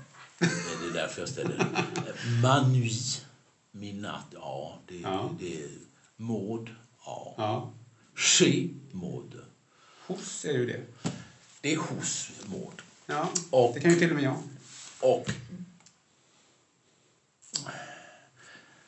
Får vi, det, det, är inte, det är inte... Jag vill för det första säga att jag, jag, jag tycker att det är enbart en felöversättning. Men jag vill inte heller säga att det är oproblematiskt. Nej. Därför att själva filmen handlar om, om man talar så här talspråk. Jag var med henne i natt. Vad betyder det? Då, vad betyder det? Ja, då tänker man att det finns en fysisk kontakt och att man hade någon form av... Men det är just det han inte var. Och det står tydligt i artikeln. i Ja, det står väldigt tydligt i artikeln. Ja. Men, men däremot... Men med var- den titeln så kanske man kan missa det. i artikeln. Ja, man kan ju säga så här. Jag var hos Maud. Då hör man Ja. Ja, då, då, då förstår man. Han var där i samma rum helt enkelt. ja. Och det är det som de, det är både ett kärleksmöte och inte ett kärleksmöte. Ja, och det beror på hur kärleken ser ut. Det beror på hur man definierar den. Precis så. Men, Ja, det är väldigt bra. Det är en bra början det här. ja, Titeln. just det. Eh, Ingen skugga över Mikael. Inte alls. Nej. Nej, jag tror att den officiella svenska titeln är Min. Ja, jag tror att den har plockat Ja, det det- från, film, Ja, filmhistorien. Så, att Ja, ja, det- så det är den svenska översättningen i jag filmvärlden. är, jag är inte det minsta intresserad av att kritisera Mikael. Nej, Liksom, absolut absolut inte. Det gör vi Men det här är ett väldigt, bra, på, väldigt bra påpekande. Det är intressant påpekande kring detta. Vad, vad är det som utspelar sig mellan dem? Är de med varandra eller är de hos varandra? Och vad innebär detta att hon inte har något sovrum? Kan hon vara med någon? Hon avskyr sovrum, säger hon. Hon säger det till och med. Ja, Ja. Hon säger det till och med. Ja. Ja, men då får ju det här, hennes, hennes liv och hennes inställning till sitt liv får ju en manifest i arkitektur, i rum, i hem. Ja. Det kan vi prata lite om. Jag avskyr sovrum, förklarar hon. Och det sägs i filmen, Ja. det, det, hon säger det. Absolut. Det är ett statement. Det är ett statement. Ja. Och konsekvensen skrev vi i rummet. Och det roliga med den här artikeln är ju att eh, Mikael då, när han ser filmen, han rekonstruerar rummen Ja. som visas i film. Och det, det kan man ju nästan inte göra för ibland så är det ju jättekonstigt i film. Det finns inget rum som motsvarar filmens rum. Nej. Men han har lyckats. Han har gjort en ritning här längst bak i Ja, artikeln. vet och eh, vi tror väl på den. Mm. Och det är ju intressant rum. Ja. Mm. Där är det. Mm. Det är ändå ett rum som är tvådelat trots allt. Det är visserligen ett rum men det finns ju någonting att man kommer in där i nedre delen av planen och så utspelar sig ett matbord och en julgran och så vidare och en tv Ja. snett fram till höger. Och sen finns det då till vänster en säng och en, eh, någonting som... Så det, det, det, det finns ju någon slags funktionsuppdelning av rummet ändå. Här talar modernisten. Ja, ja här talar... Ja, just det. Jag ser det. Men det är klart, sen kan man säga att Maud vill ha bara ett rum där hon kan leva hela sitt liv. Och hon avskyr... Det är, det är ingen sängkammare, inget sovrum som man öppnar en dörr och går in i. Nej, så är det Eller som man stänger till. Nej. Nej, som man stänger till. Utan visst, det är ett öppet rum. Ett öppet modernistiskt rum kan man ju säga på sätt och vis. Ja, eller har det, har det inte funnits tidigare? Ja, det är en bra fråga. Jo, men det är klart att, vi, det, är klart att det har funnits eh, rum, särskilt hos mindre bemedlade människor där, där man gjorde allting i samma rum. Men det är ju inte Maud. Vad sa du? Maud är ju inte en sån person. Nej, hon är inte en sån person utan hon kanske... Hon, och och jag menar att hon är egentligen del utav eh, en sida av moderniteten som vi inte har pratat så mycket om, nämligen eh, det emancipatoriska. Att det finns ju i, moderniteten hela tiden en önskan att frigöra människan från olika sorters... För finns det ju från olika sorters band och restriktioner och, och makt. Och makt Och alltså. detta är, det rummet är ju definitivt det. Ja, och det, så är det, det det, Ja, kan man säga. det, det Thomas säger är väldigt intressant. Alltså att en gång var det nödvändighet att ha ett sånt här rum på ett eller annat sätt. Men hon insisterar på att det är hennes val.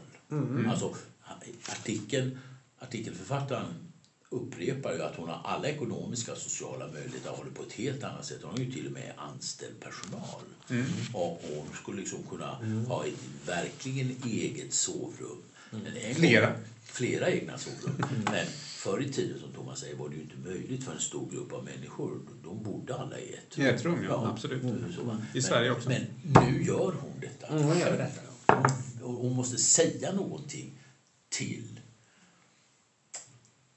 till de andra, som man säger på franska. Till den andra. Mm. Det, det, och det, det... Det är en fråga som jag tänker på, som jag tänkte på idag när vi visste om att vi skulle tala med varandra. Eh, som jag undrade jag skulle, ni skulle kommentera. Det här var från handledning, inte med läkare, men psykologer som jag hade igår i fredags.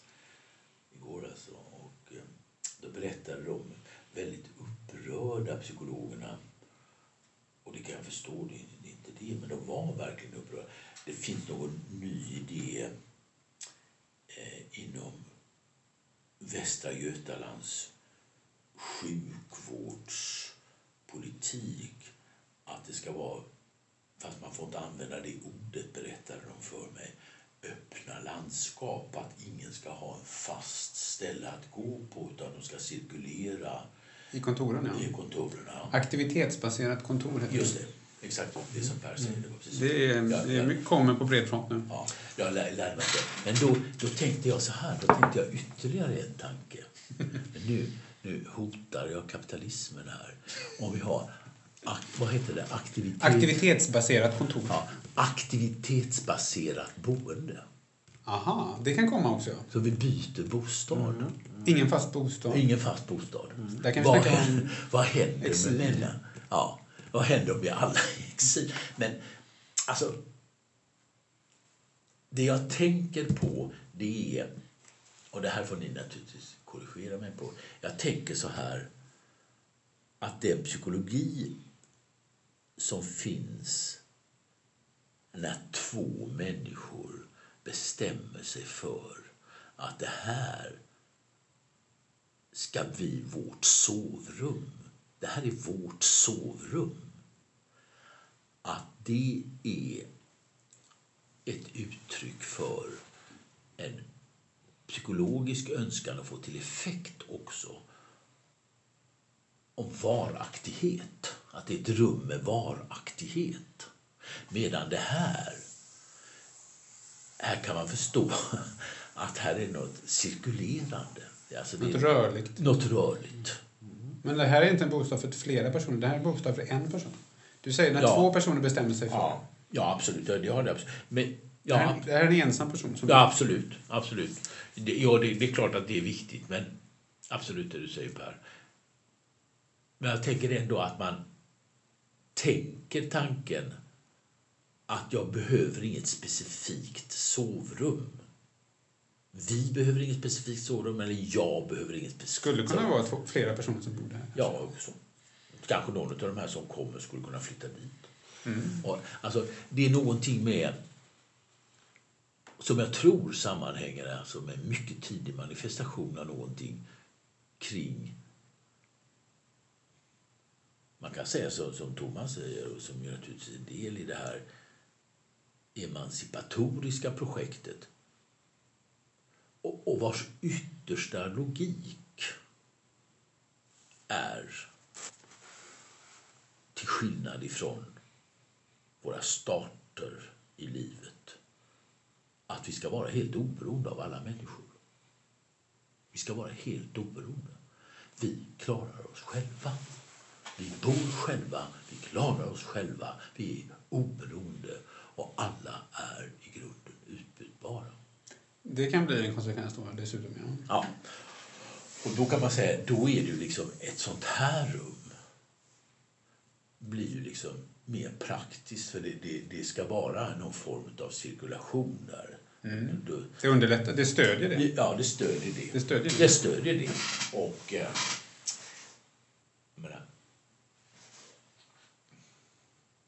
I sin fysiska form. Ja. Till exempel om man kan associera sängen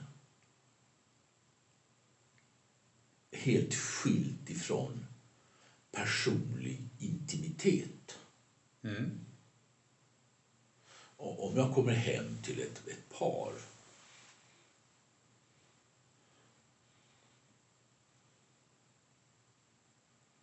och till exempel de visar mig hela sin lägenhet utan sovrummet Mm. Så tänk, det är normalt, tänker jag, där- därför det är deras privata, eh, privata sektor.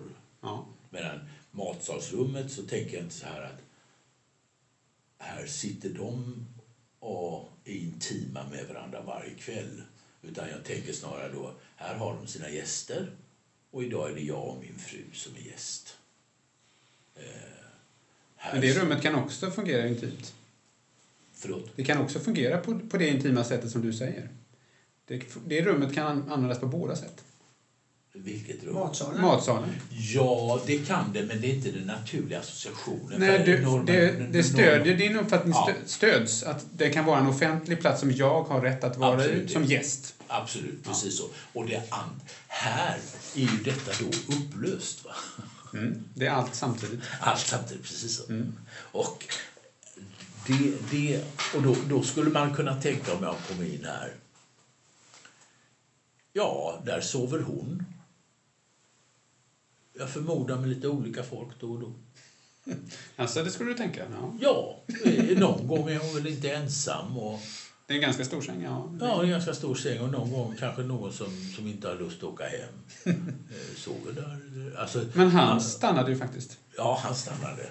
Men över natten. Men de, de sitter bara och pratar hela natten. De, jag pratar, de, sover Pascal. inte, de sover inte, nej. de talar om Pascal och Mm. matematik. Men jag skulle känna, om jag kom in i det här rummet, så skulle jag nog kunna känna att hela rummet var lite för intimt för mig. Att jag kom in i ett enda stort sovrum. Som jag inte kände att jag var, hörde hemma i riktigt. Ja, den tanken förstår jag också. Absolut. Jag tror, jag lägger en, an- en annan tolkning, att det är en, att man kommer in i en ateljé. Ateljé. Ateljé. Vad är en ateljé? En ateljé det är en verkstad, men det är också en verkstad där konstnären eh, när han är fattig så bor han i sin ateljé. Ja. Det är ett mångfunktionellt rum för fritt skapande. Mm. Eh, Och jag kan tänka mig kanske att Romer, eh, kanske också det som möjliggör filmningen och så vidare, är också naturligtvis en slags ateljérum. Och då Mm. tänker jag, vad är ateljén? Vad representerar då detta? Jo, det, det är någon slags frihet och jag är tillbaka vid det emancipatoriska. Alltså det är en fri människa som bor i ateljén och det är en skapande människa på något vis. Det är för att vi har en föreställning om konstnären som fri då? Ja, vi har en föreställning om konstnären som fri. Det, det är väl en romantisk föreställning Ja, precis. Den kanske Men inte man kan är... säga under romantiken så blir ju, befrias ju konstnären faktiskt lite grann från sina, från sina eh, Herrar. herrar och be, som betalar sina mecenater och så. Så, och blir en, Så det är en romantisk tanke, Ja. fria konstnären? Ja, det är en romantisk tanke och den är starkt knuten till tidig, tidig upplysning kan man säga. Mm. Och att, att konstnären agerar inte på uppdrag utan själv. själv?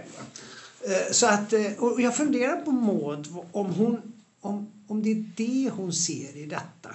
En slags frihetstanke. Så, så läser jag det ju faktiskt. Slags frihetstanke. Men det är väl det hon vill säga hon, hon, vill inte, detta? hon vill inte ha några konventionella väggar till sovrummet och, och så vidare.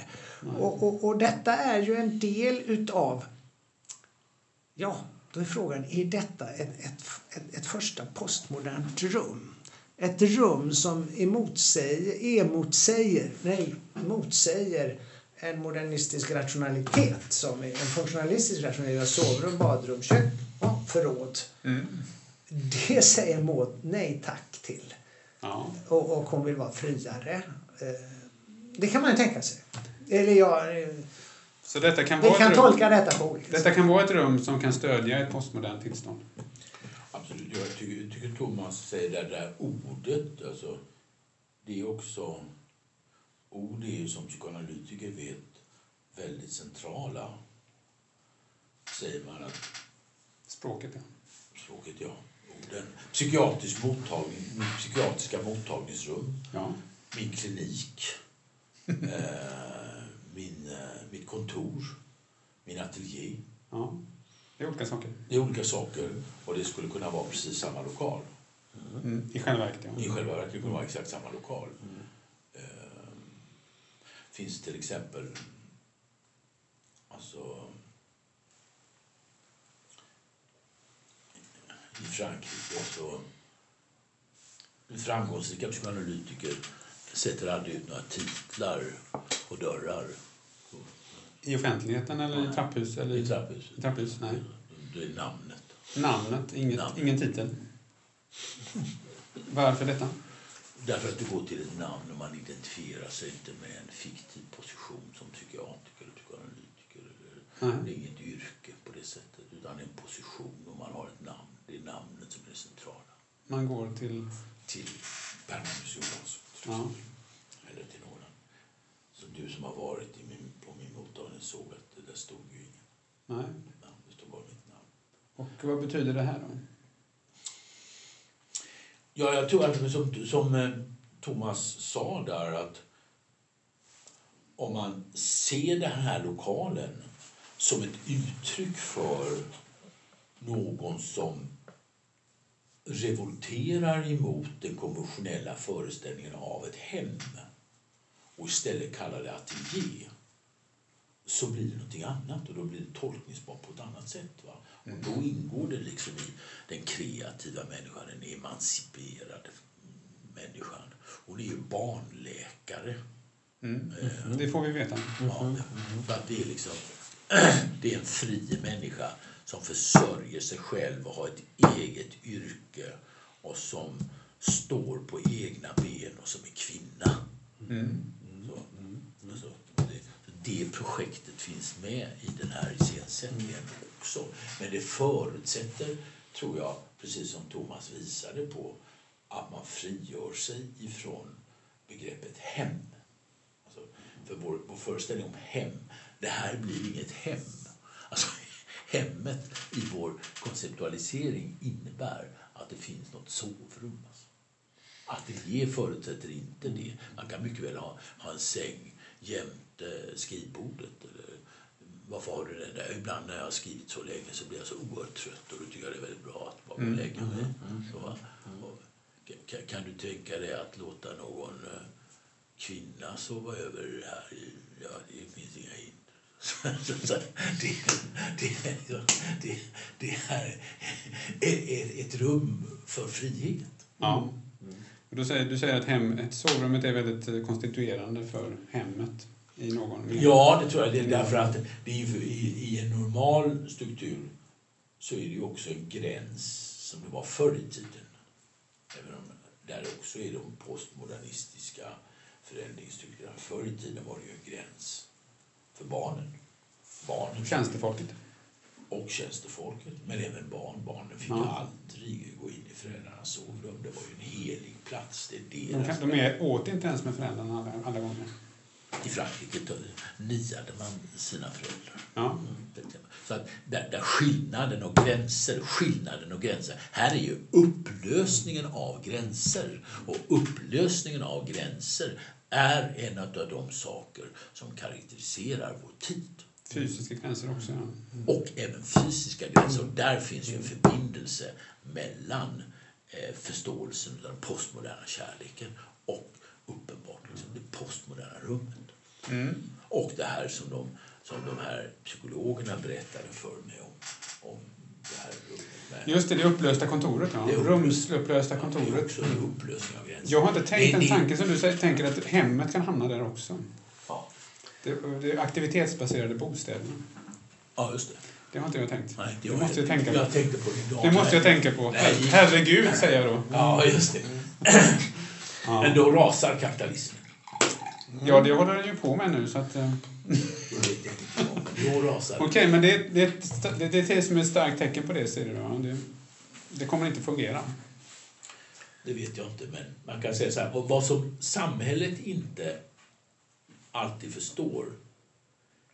Alltså man tror att om man lyfter bort en gräns i en fundamental fråga så kommer den gränsupplösningen bara drabba det som gränsen Berör. berör. Och det är absolut fel. Nej, hela systemet rubbas ju då. Absolut. Det är absolut. Hela ekosystemet. Hela. He- Hela konceptualiseringssystemet. Varför inte nästa gräns? Och vi har inte överblick över vad den gräns, Nej. gränsborttagningen får Nej. för effekt. Absolut. Nej. Absolut. Vad jag tänker på när du, du... Det är en väldigt tydlig bild när du ställer den här borgerliga våningen Ja, mot... Mauds, hon är också borgerlig. absolut. Mot borgerliga, mo- moder- moderna, postmoderna våning. Då blir det väldigt tydligt. Men då, och då ser jag en väldigt tydlig analogi med staden. Det finns en stad som ser ut så där med tydliga rum. Med sovrum och allt och med, som är boxat och som är... Och så finns det en stad som är fri i sin form. Säger Berätta mer. Jo, och det, och det, detta, jag tycker det, detta är ju lite problematiskt vad vi nu säger. För i min värld är öppnandet av rummet och det liksom nedbrytandet av gränser egentligen del i det modernistiska projektet. Och vi har den moderna stadsplaneringen som så att säga löser upp kvarteren och så vidare. Vi får lamellhus och vi får en, en, en, plane, en, en pla- stadsplanering som bejakar rörelse, bilen, trafiken och så vidare. Det är egentligen på sätt och vis en slags, på ett sätt en upplösning av rummet, det definierade rummet. Jag tycker det är på, på samma sätt som hos Maud. Det kan man säga. Och därför, så, och därför så, så är jag lite tveksam om detta är postmodernt eller modernt. Men detta är ju den... den Avsäger du detta nu, Thomas? Nej, jag säger bara att vi, vi, har, vi har en svårighet att, att, att definiera det postmoderna. Lever vi i en postmodern tid eller lever vi i en hypermodern tid? Eh, Men det finns ju motsättningar. Det kan vara en skillnad. Det finns en retorik om att öppna, bjuda in, eh, mötesplatser, alla dessa. Göra transparent. Ja, transparens och så vidare. Och ju mer man pratar om detta, desto mer kan man ju undra om det finns någonting bakom som... som Det som, finns det alltid. Ja, det finns något bakom som är själva verket att vi lever ju kanske i ett samhälle som försöker kontrollera sina medborgare mer än någonsin. Alltså, så det finns ju någon slags eh, I öppenheten. motsättning, motsättningar. Alltså, man talar om öppenhet, talar om mycket möten och så vidare. Och vi har ju löst upp den moderna stadsplaneringen är ju ett upplöst stadsrum, får man säga. Ett stadsrum Och, och i denna rörelse, i denna öppenhet och denna upplösning finns också en fragmentisering. Och det finns en fragmentisering. Men samtidigt måste vi säga att jag tror att vi lever i en tid, där må ni rätta mig, kanske är jag pessimistisk, att vi lever i en tid där vi disciplinerar tänkandet mer än vad vi någonsin har gjort tidigare. Och du har ju varit inne på hur psykologistudenterna ändå får bara tänka på ett sätt. Eller ja, nu överdriver jag, men det är liksom hela det som jag efterlyste, den konstnärliga friheten, har ingenting att göra på akademin längre. Det finns inte i någon akademisk disciplin eh, att liksom tala om konstnärlig frihet eller estetiken som en kunskapsform och så vidare. Men det är, då, det är en brist på öppenhet. Ja, det är det då. i En det- brist på upplösning det kan man, det kan man säga. Så här, här finns väl några slags eh, motstridiga tendenser. Å ena sidan upplösning och så vidare. Å andra sidan disciplinering, kontroll. Mm. Alltså vi har ju, lever ju i ett samhälle med mycket kontroll. Och ökad kontroll. Och digitaliseringen ställer oss inför enorma problem vad det gäller liksom kontroll. Alltså Och det- integritet. Ja. Ja, det är ju oerhört komplicerat. Och eh, tilltron till det digitala som verktyg att göra samhället bättre är ju enorm. Mm. Det är alla är ju... Alla tror ju på detta. Jag vet inte vet bättre. Ja. Och, ja, och, och eh, if, bristen på ifrågasättande eller kritisk diskussion kring detta är ju lite uppseendeväckande. Får man säga. Tvivlet. Absolut. Tvivlet på digitaliseringen, Ja. vad är det? Ja, vad är det? Ja, Var finns det? ja vad finns det? Ja. Jag kan ju tala lite kort bara som, som fotograf. Ja, ja. Det finns en digital fotografi och en icke-digital, en analog Ja. fotografi. ja. Och jag brukar säga att det är olika saker, Mm. faktiskt. Mm. Att det, de har så olika förutsättningar så att de verkar och blir på olika sätt. Mm. Mm. Och eh, vi har också haft en digitalisering av arkitektens arbete. Ja. Och som jag, jag har ju varit med sen, jag, när jag började jobba så ritade man för hand. Ganska Mm. mycket, 50 procent kanske ungefär. Ja, Datorerna fanns men vi ritade med ganska mycket för hand. Och nu gör vi gör det på ett an, helt annat sätt. Mm. Så jag har varit med på den resan och det har också påverkat vilka verktyg vi har och hur våra processer ser ut. Och jag har väl bara varit verksam i någon slags... Eh, jag började kanske i ett modernistiskt tillstånd. Och sen eh, har jag levt i ett postmodernistiskt tillstånd. Mm. Jag är född 1968. Mm. Ett, ett trevligt år. Mm. Ehm, så det är en sak, att digitalisering och hur vi, hur vi gör saker och ting. Och det är också, jag, håller, jag tycker att vi är väldigt överens och det, är- det är ju alltid tycker jag, stimulerande och roligt. Man kan vara överens därför att man verkligen menar det man säger. Därför att det är alldeles självklart att 2018 hävda att all statistisk bearbetning av- och naturvetenskaplig forskning är destruktivt i förhållande för kunskap om människan eller i förhållande till byggandet av, av, av hus. Det är naturligtvis fullständigt vansinne. Det är ju liksom meningslöst. Det är ett barns sätt att reflektera. Mm. Det, är inte, det är inte sanningen. Nej. Utan de här behövs. Eh, Enkäterna behövs också. Ja. Absolut, Ja, man kan mycket ingenjörerna väl- behövs också. Ja. Ingenjörerna Ja. behövs. Ja. Ja. Arkitekten är också en ingenjör. Ja, det är, en, det är en väldigt intressant fråga. Mm, jo, men det tycker jag. Enkäter, för att ta det som du säger Per. Jag tycker absolut att man kan använda sig av enkäter. Jag har skrivit fyra artiklar. Nu har jag skrivit 150, så fyra är inte så många utav dem. Men där vi har använt enkäter tillsammans med Mm. forskare. Det kan man absolut göra. Men det gäller att försöka reflektera över vad är det för typ av kunskap som man uppnår via enkäter och kanske inte ha Precis. väldiga eh, definitiva... Vilken typ av kunskap? Vilken typ? Det är olika typer som vi ska Yes. sammanfoga i så fall.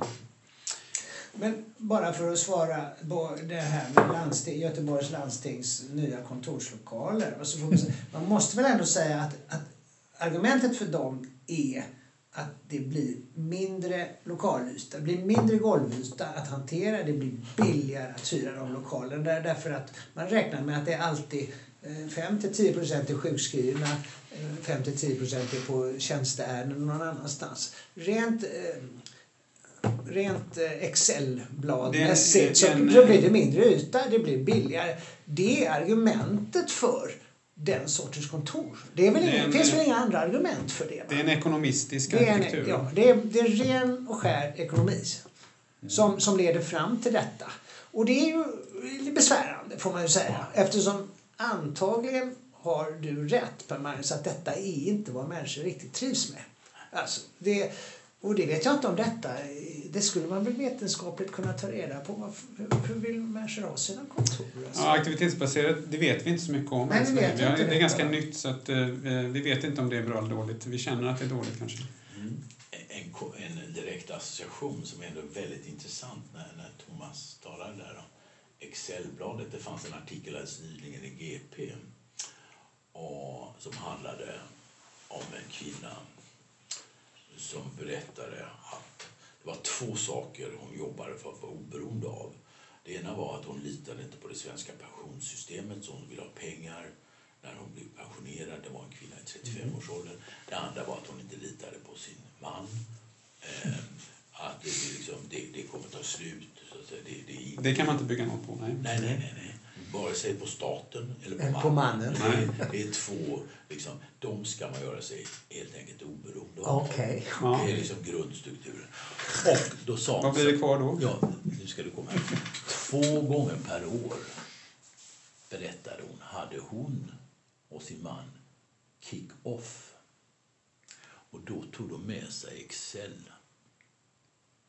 Excel-programmet Excel-programmet. För att då... ekonomiserar livet. Yes. Året. Yes! Det gemensamma livet. Ja. Det var fan. Det var fan. ja.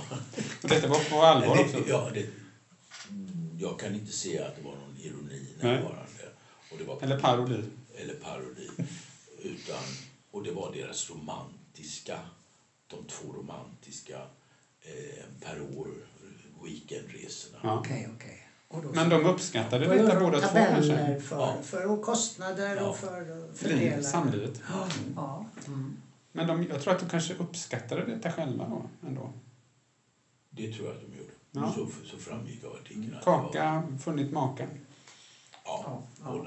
Han hade kanske en liknande syn då. Är vi, är vi, Men ekon- ekonomismen, för att ta det Ja. på djupaste allvar, det är också en sån här sak, tror jag, som har mycket mer destruktiva effekter än vad vi tror själva. Ja, ja. Det finns liksom... Det ser vi ju. Ja, ser vi. alltså de här rationella argumenten täcker inte sanningen. nej. Nej, det är bra. Vi är överens. Där är vi överens. Absolut. Ja, men jag tror att vi har etablerat det, att vi ska kunna, vi ska kunna sammanfoga de här två polerna, eller de här två entiteterna. Jag tror att vi har etablerat, men hur? Hur? Hur gör vi det? Vi skulle kunna se det här i Mauds rum, eventuellt. Aspekter av detta har vi sett där. Men eh, vi kom fram till att det finns också negativa eh, effekter av det här. Upplösning av rum och eh, frihet. Frihet för vem? Frihet är för intimt som jag kan tycka då eventuellt. Så att eh, eh, vi kanske skulle titta lite på ett annat exempel som vi har. Ola Andersson som talar om den anständiga arkitekturen. Ja. Och som jag tolkar den texten så handlar det om eh, någon slags elementa i arkitekturen. Något grund, grundläggande. Är, är det något tidlöst? Kanske. Men det handlar om... eh, Ja, jag tror att det handlar om ide- identifikation också. Så som vi förstår ett hus. Eh, Och hur som, så som vi förstår en stad. Och eh, vad, som inte, vad, som, vad som stödjer det och som underlättar den förståelsen för oss och inte. Och eh, är, det tradition, är det en traditionalistisk syn eller är det en modern syn eller är det både och? Det, det, är en, det är en klart romantisk syn. Ja, det skulle det också kunna vara. Det är det definitivt också. Eh, Ja, jag tror det. Nu är jag svårt att citera, men jag, jag vill mena att Hegel har i sin bedömning av det goda konstverket så, så säger han att det ska förena det allmänna och det specifika, det unika alltså. Och eh, till exempel det. Han har, jag tror han har tre, kategorier, kommer, tre par kategorier som ska förenas i detta. Jag kommer inte riktigt ihåg detta. Men jag tycker att det finns i det här, det allmänna och specifika, finns det någonting eh, som är intressant. Och, och jag tror att de här lite mer anonyma husen utav... utav Utan, utan våra två främsta arkitekter, Ja, hus som man inte lägger märke till, som man är inte att, känner de, till. att de representerar det som vi kallar det allmänna. Alltså det finns en sanning, och Hegel säger att det finns en sanning i mötet av det allmänna det specifika. Kan eh, psykologen säga någonting om det också? Ja, det, det, det håller jag absolut med om.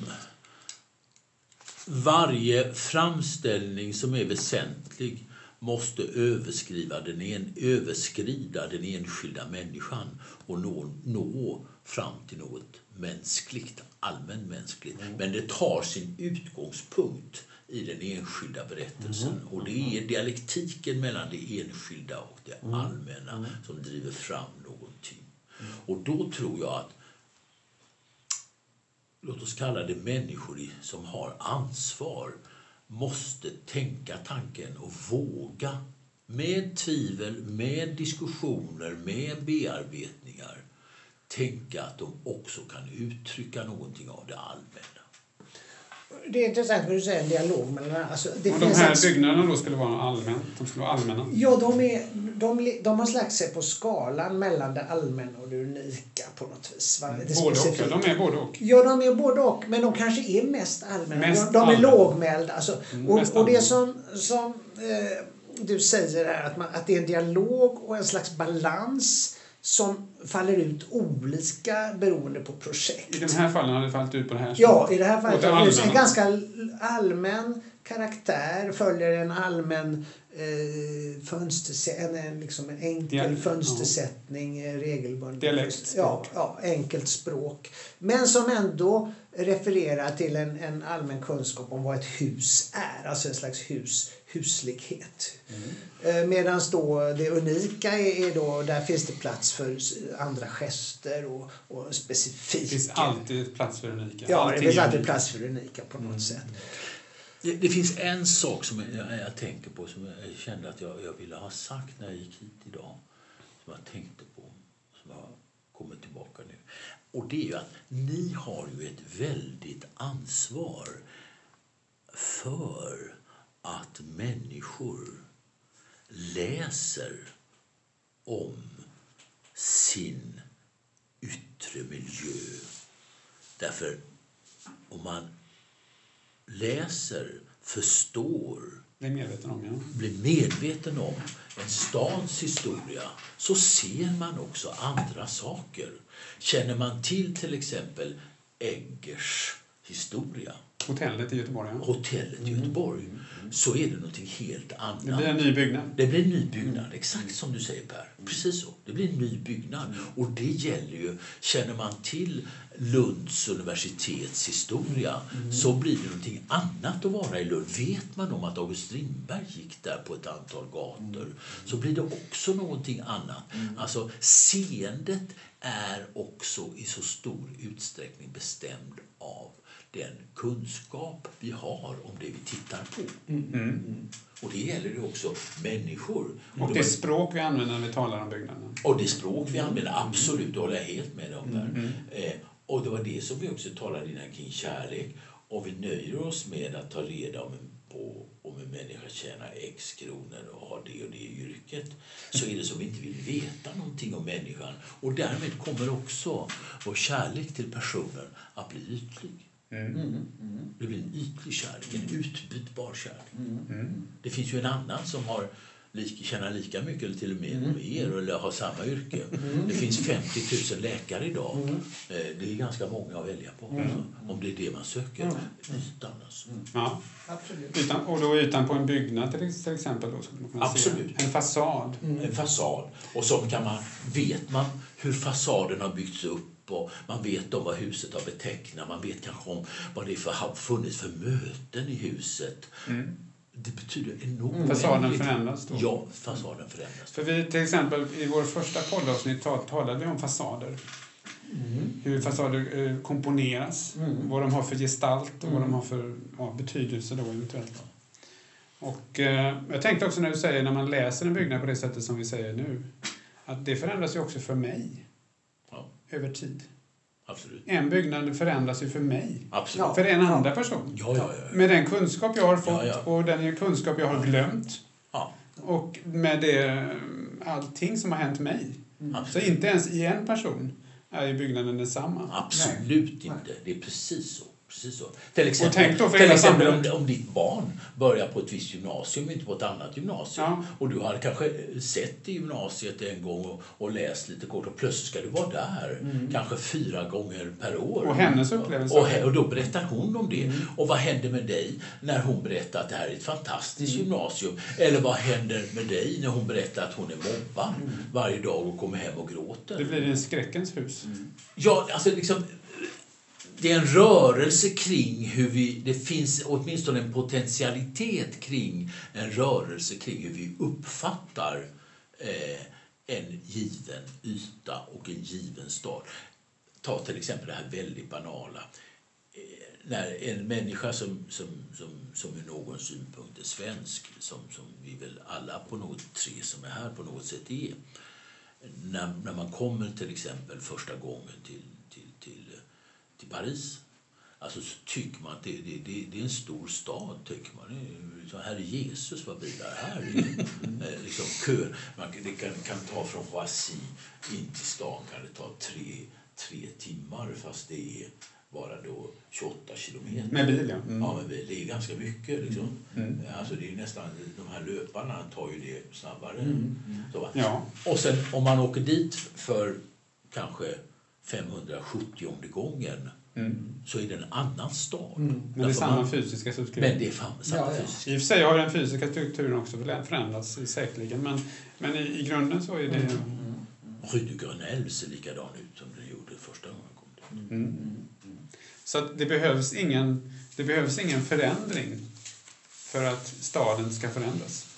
Nej, det Den sker in, inuti oss själva. Också, men jag skulle säga så här.